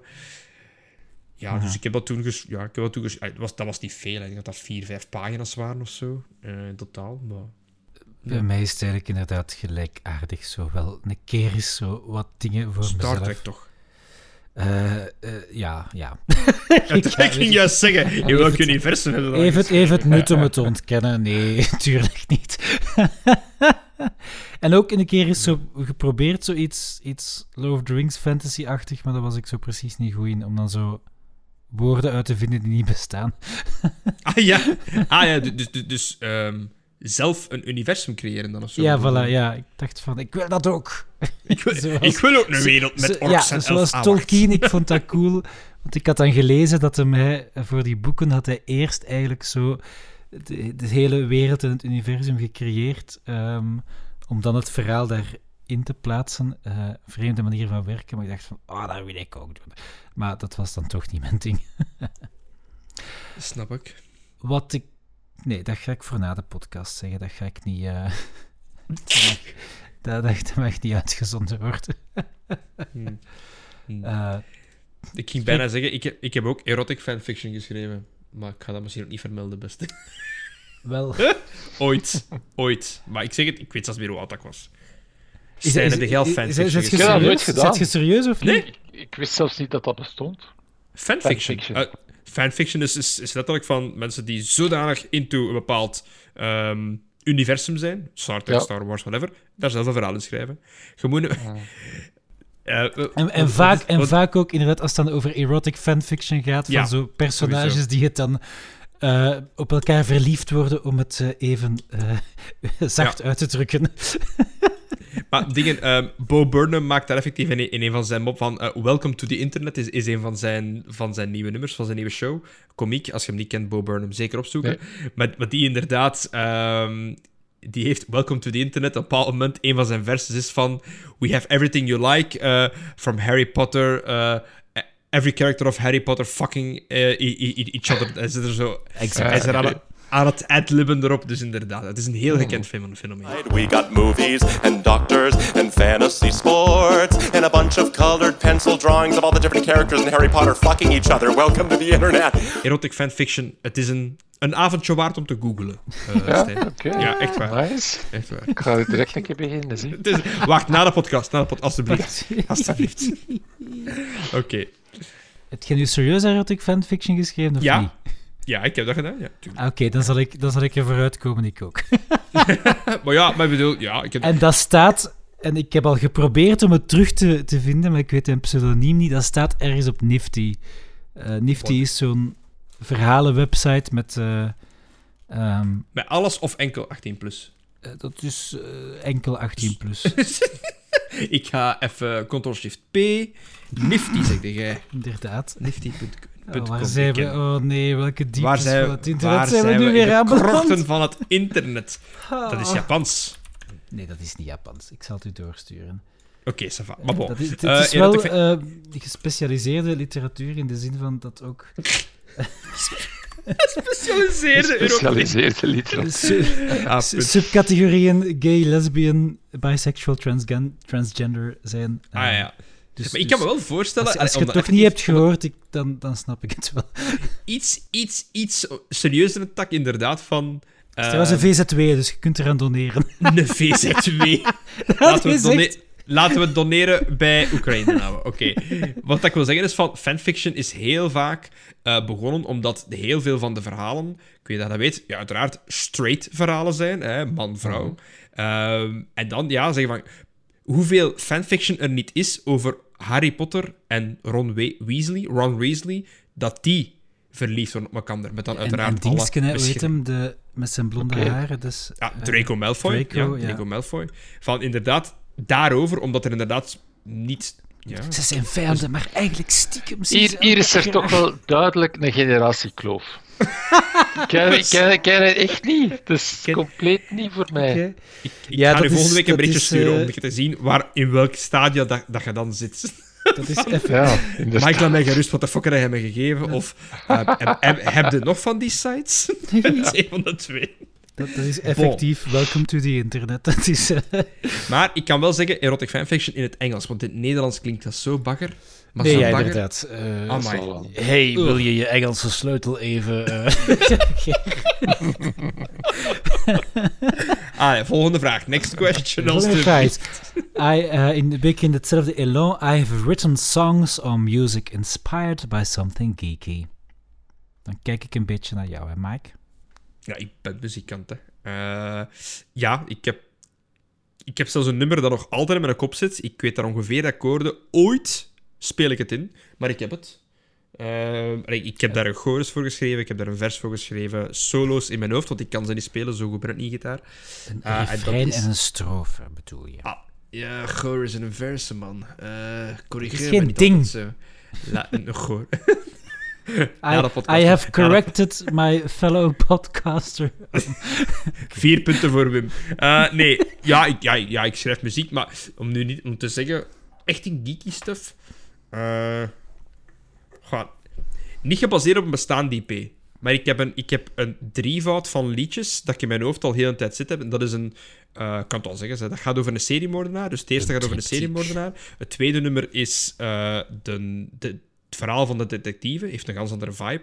En op het einde van dat nummer komen ze zogezegd elkaar tegen, ergens in de lyrics. Ga ik dat verwerken. En het laatste is de confrontatie. En dat is, dat is eigenlijk een drieluik van muziek dat ik ooit wil uitschrijven, deftig.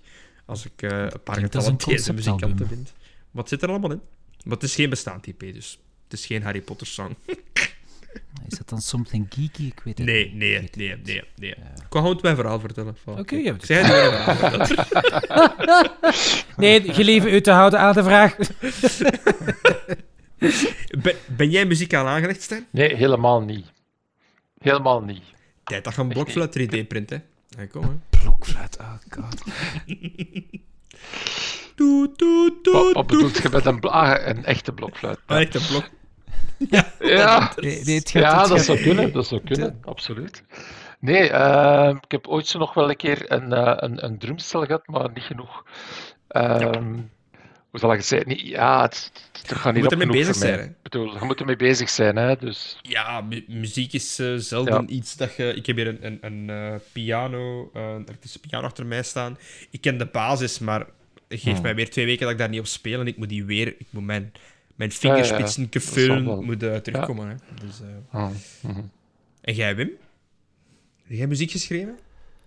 F- ik, maak in mijn, in mijn hoofd heb ik soms geniale composities, maar als ik dan Geniale compositie.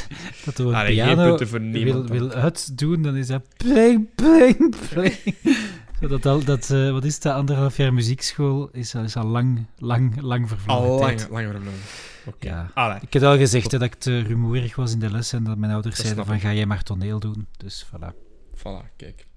Oké, Okay, dus gaan schouwen op de planken. Een dikke niet voor allebei. Niet.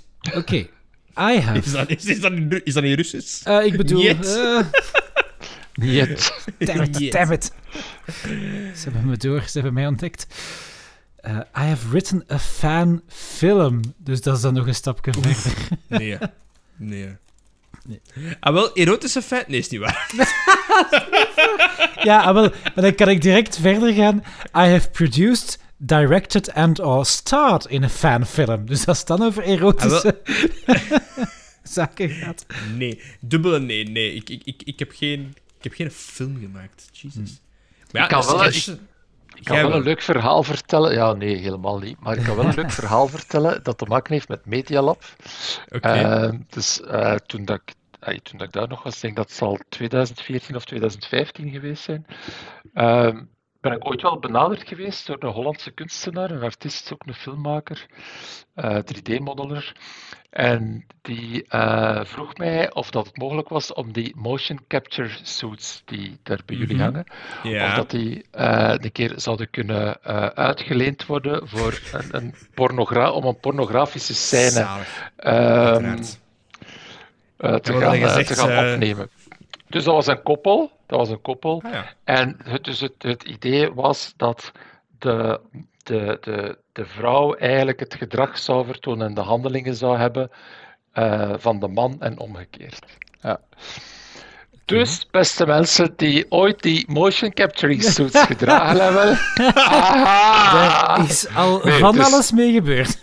Waarschijnlijk, waarschijnlijk. Ik heb dat ook al aangehad. Pas op, dat is, dat is niet doorgegaan. Ik weet niet waarom. Ah.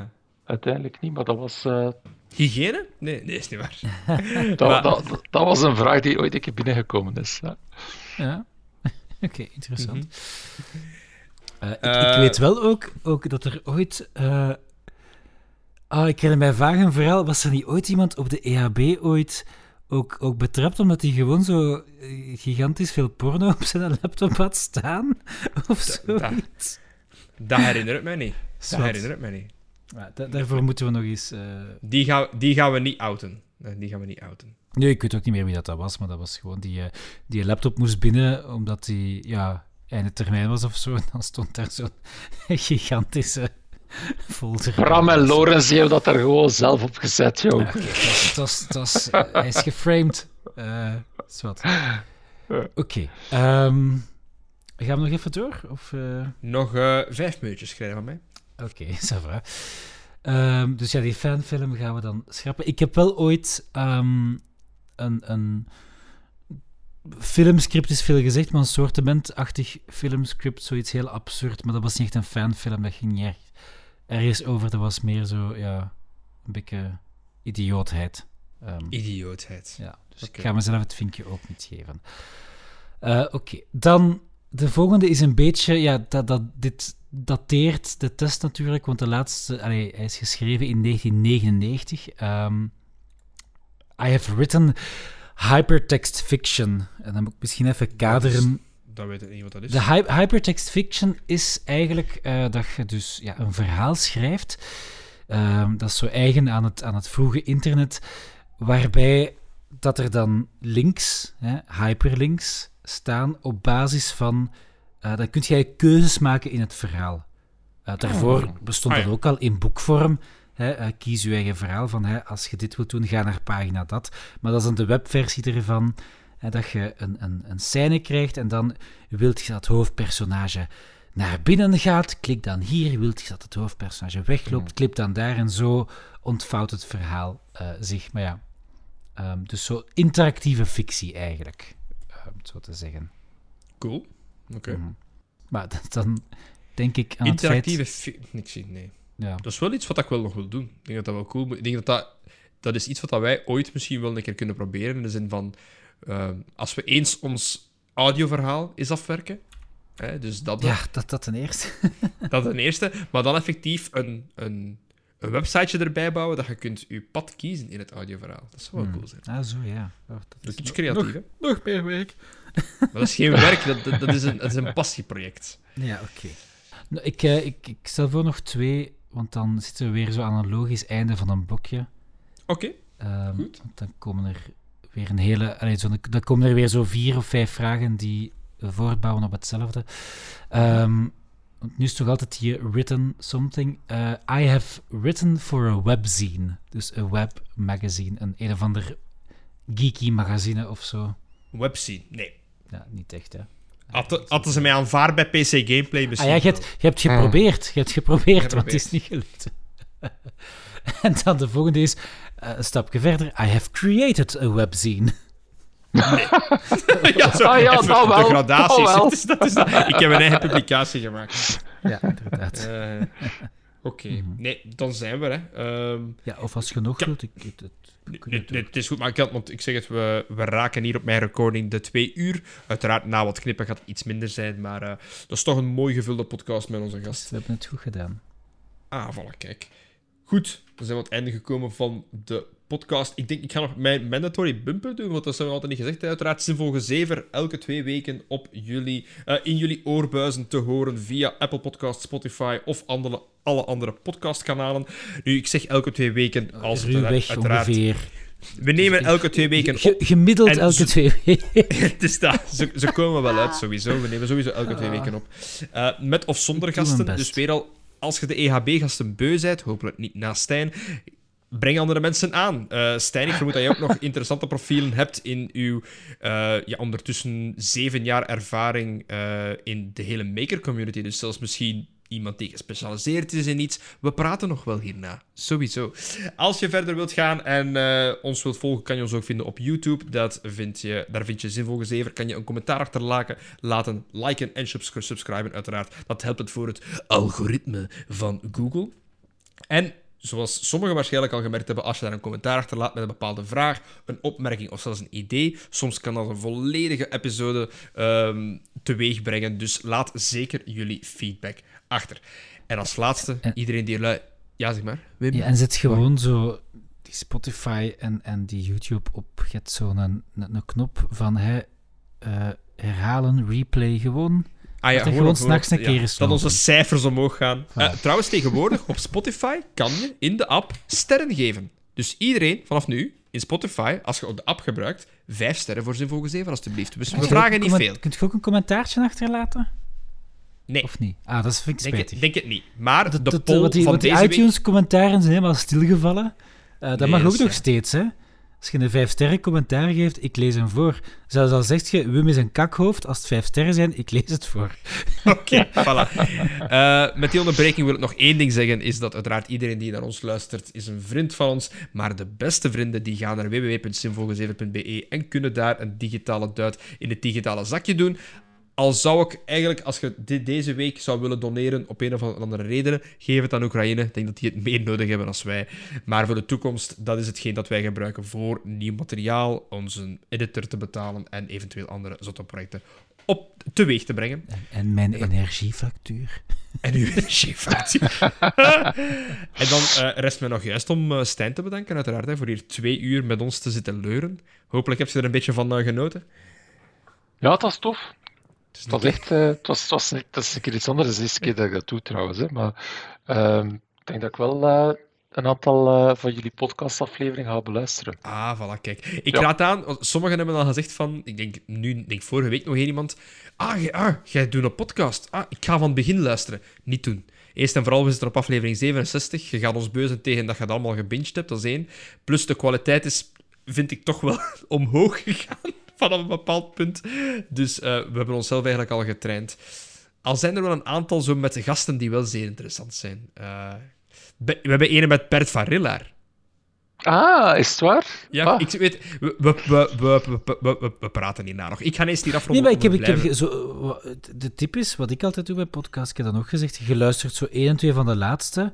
Als het u zint, dan begin ik van het begin, want je wilt toch mee zijn. Je wilt toch alles gehoord hebben. Kom er zijn een aantal inside jokes, dat is een Mike, ik moet die cijfers hebben. Hè. Kom aan, kom aan. Die luisteraars. het, grap, het grappige is, als ik volgende week of de, week of de komende weken in de cijfers zie dat aflevering 1, 2 en 3 wordt afgespeeld, dan weet ik dat het Stijn is. ja, je ziet het wel, die, die aflevering 1 heeft zo echt 400 luisteraars en dan de aflevering 2 zal direct 200. Dus dat is gemerkt zo. Dat inderdaad ja. soms een keer toevallig die een aflevering 1 ergens begint te spelen of zo, denk ik. Ja, dan, inderdaad. maar bon. Kijk, dank u wel, Stijn, nogmaals, voor uh, twee uur met ons te komen. Jullie bedankt. Graag gedaan.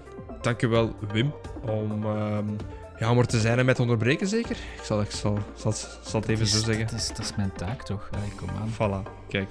En dank u wel aan... Je hebt daar... die lever. Maar, nee, nee, niet. ik zou zeggen, net zoals altijd, tot het volgende gezever. Joe dag, hè. Eh, sorry, tot gezien.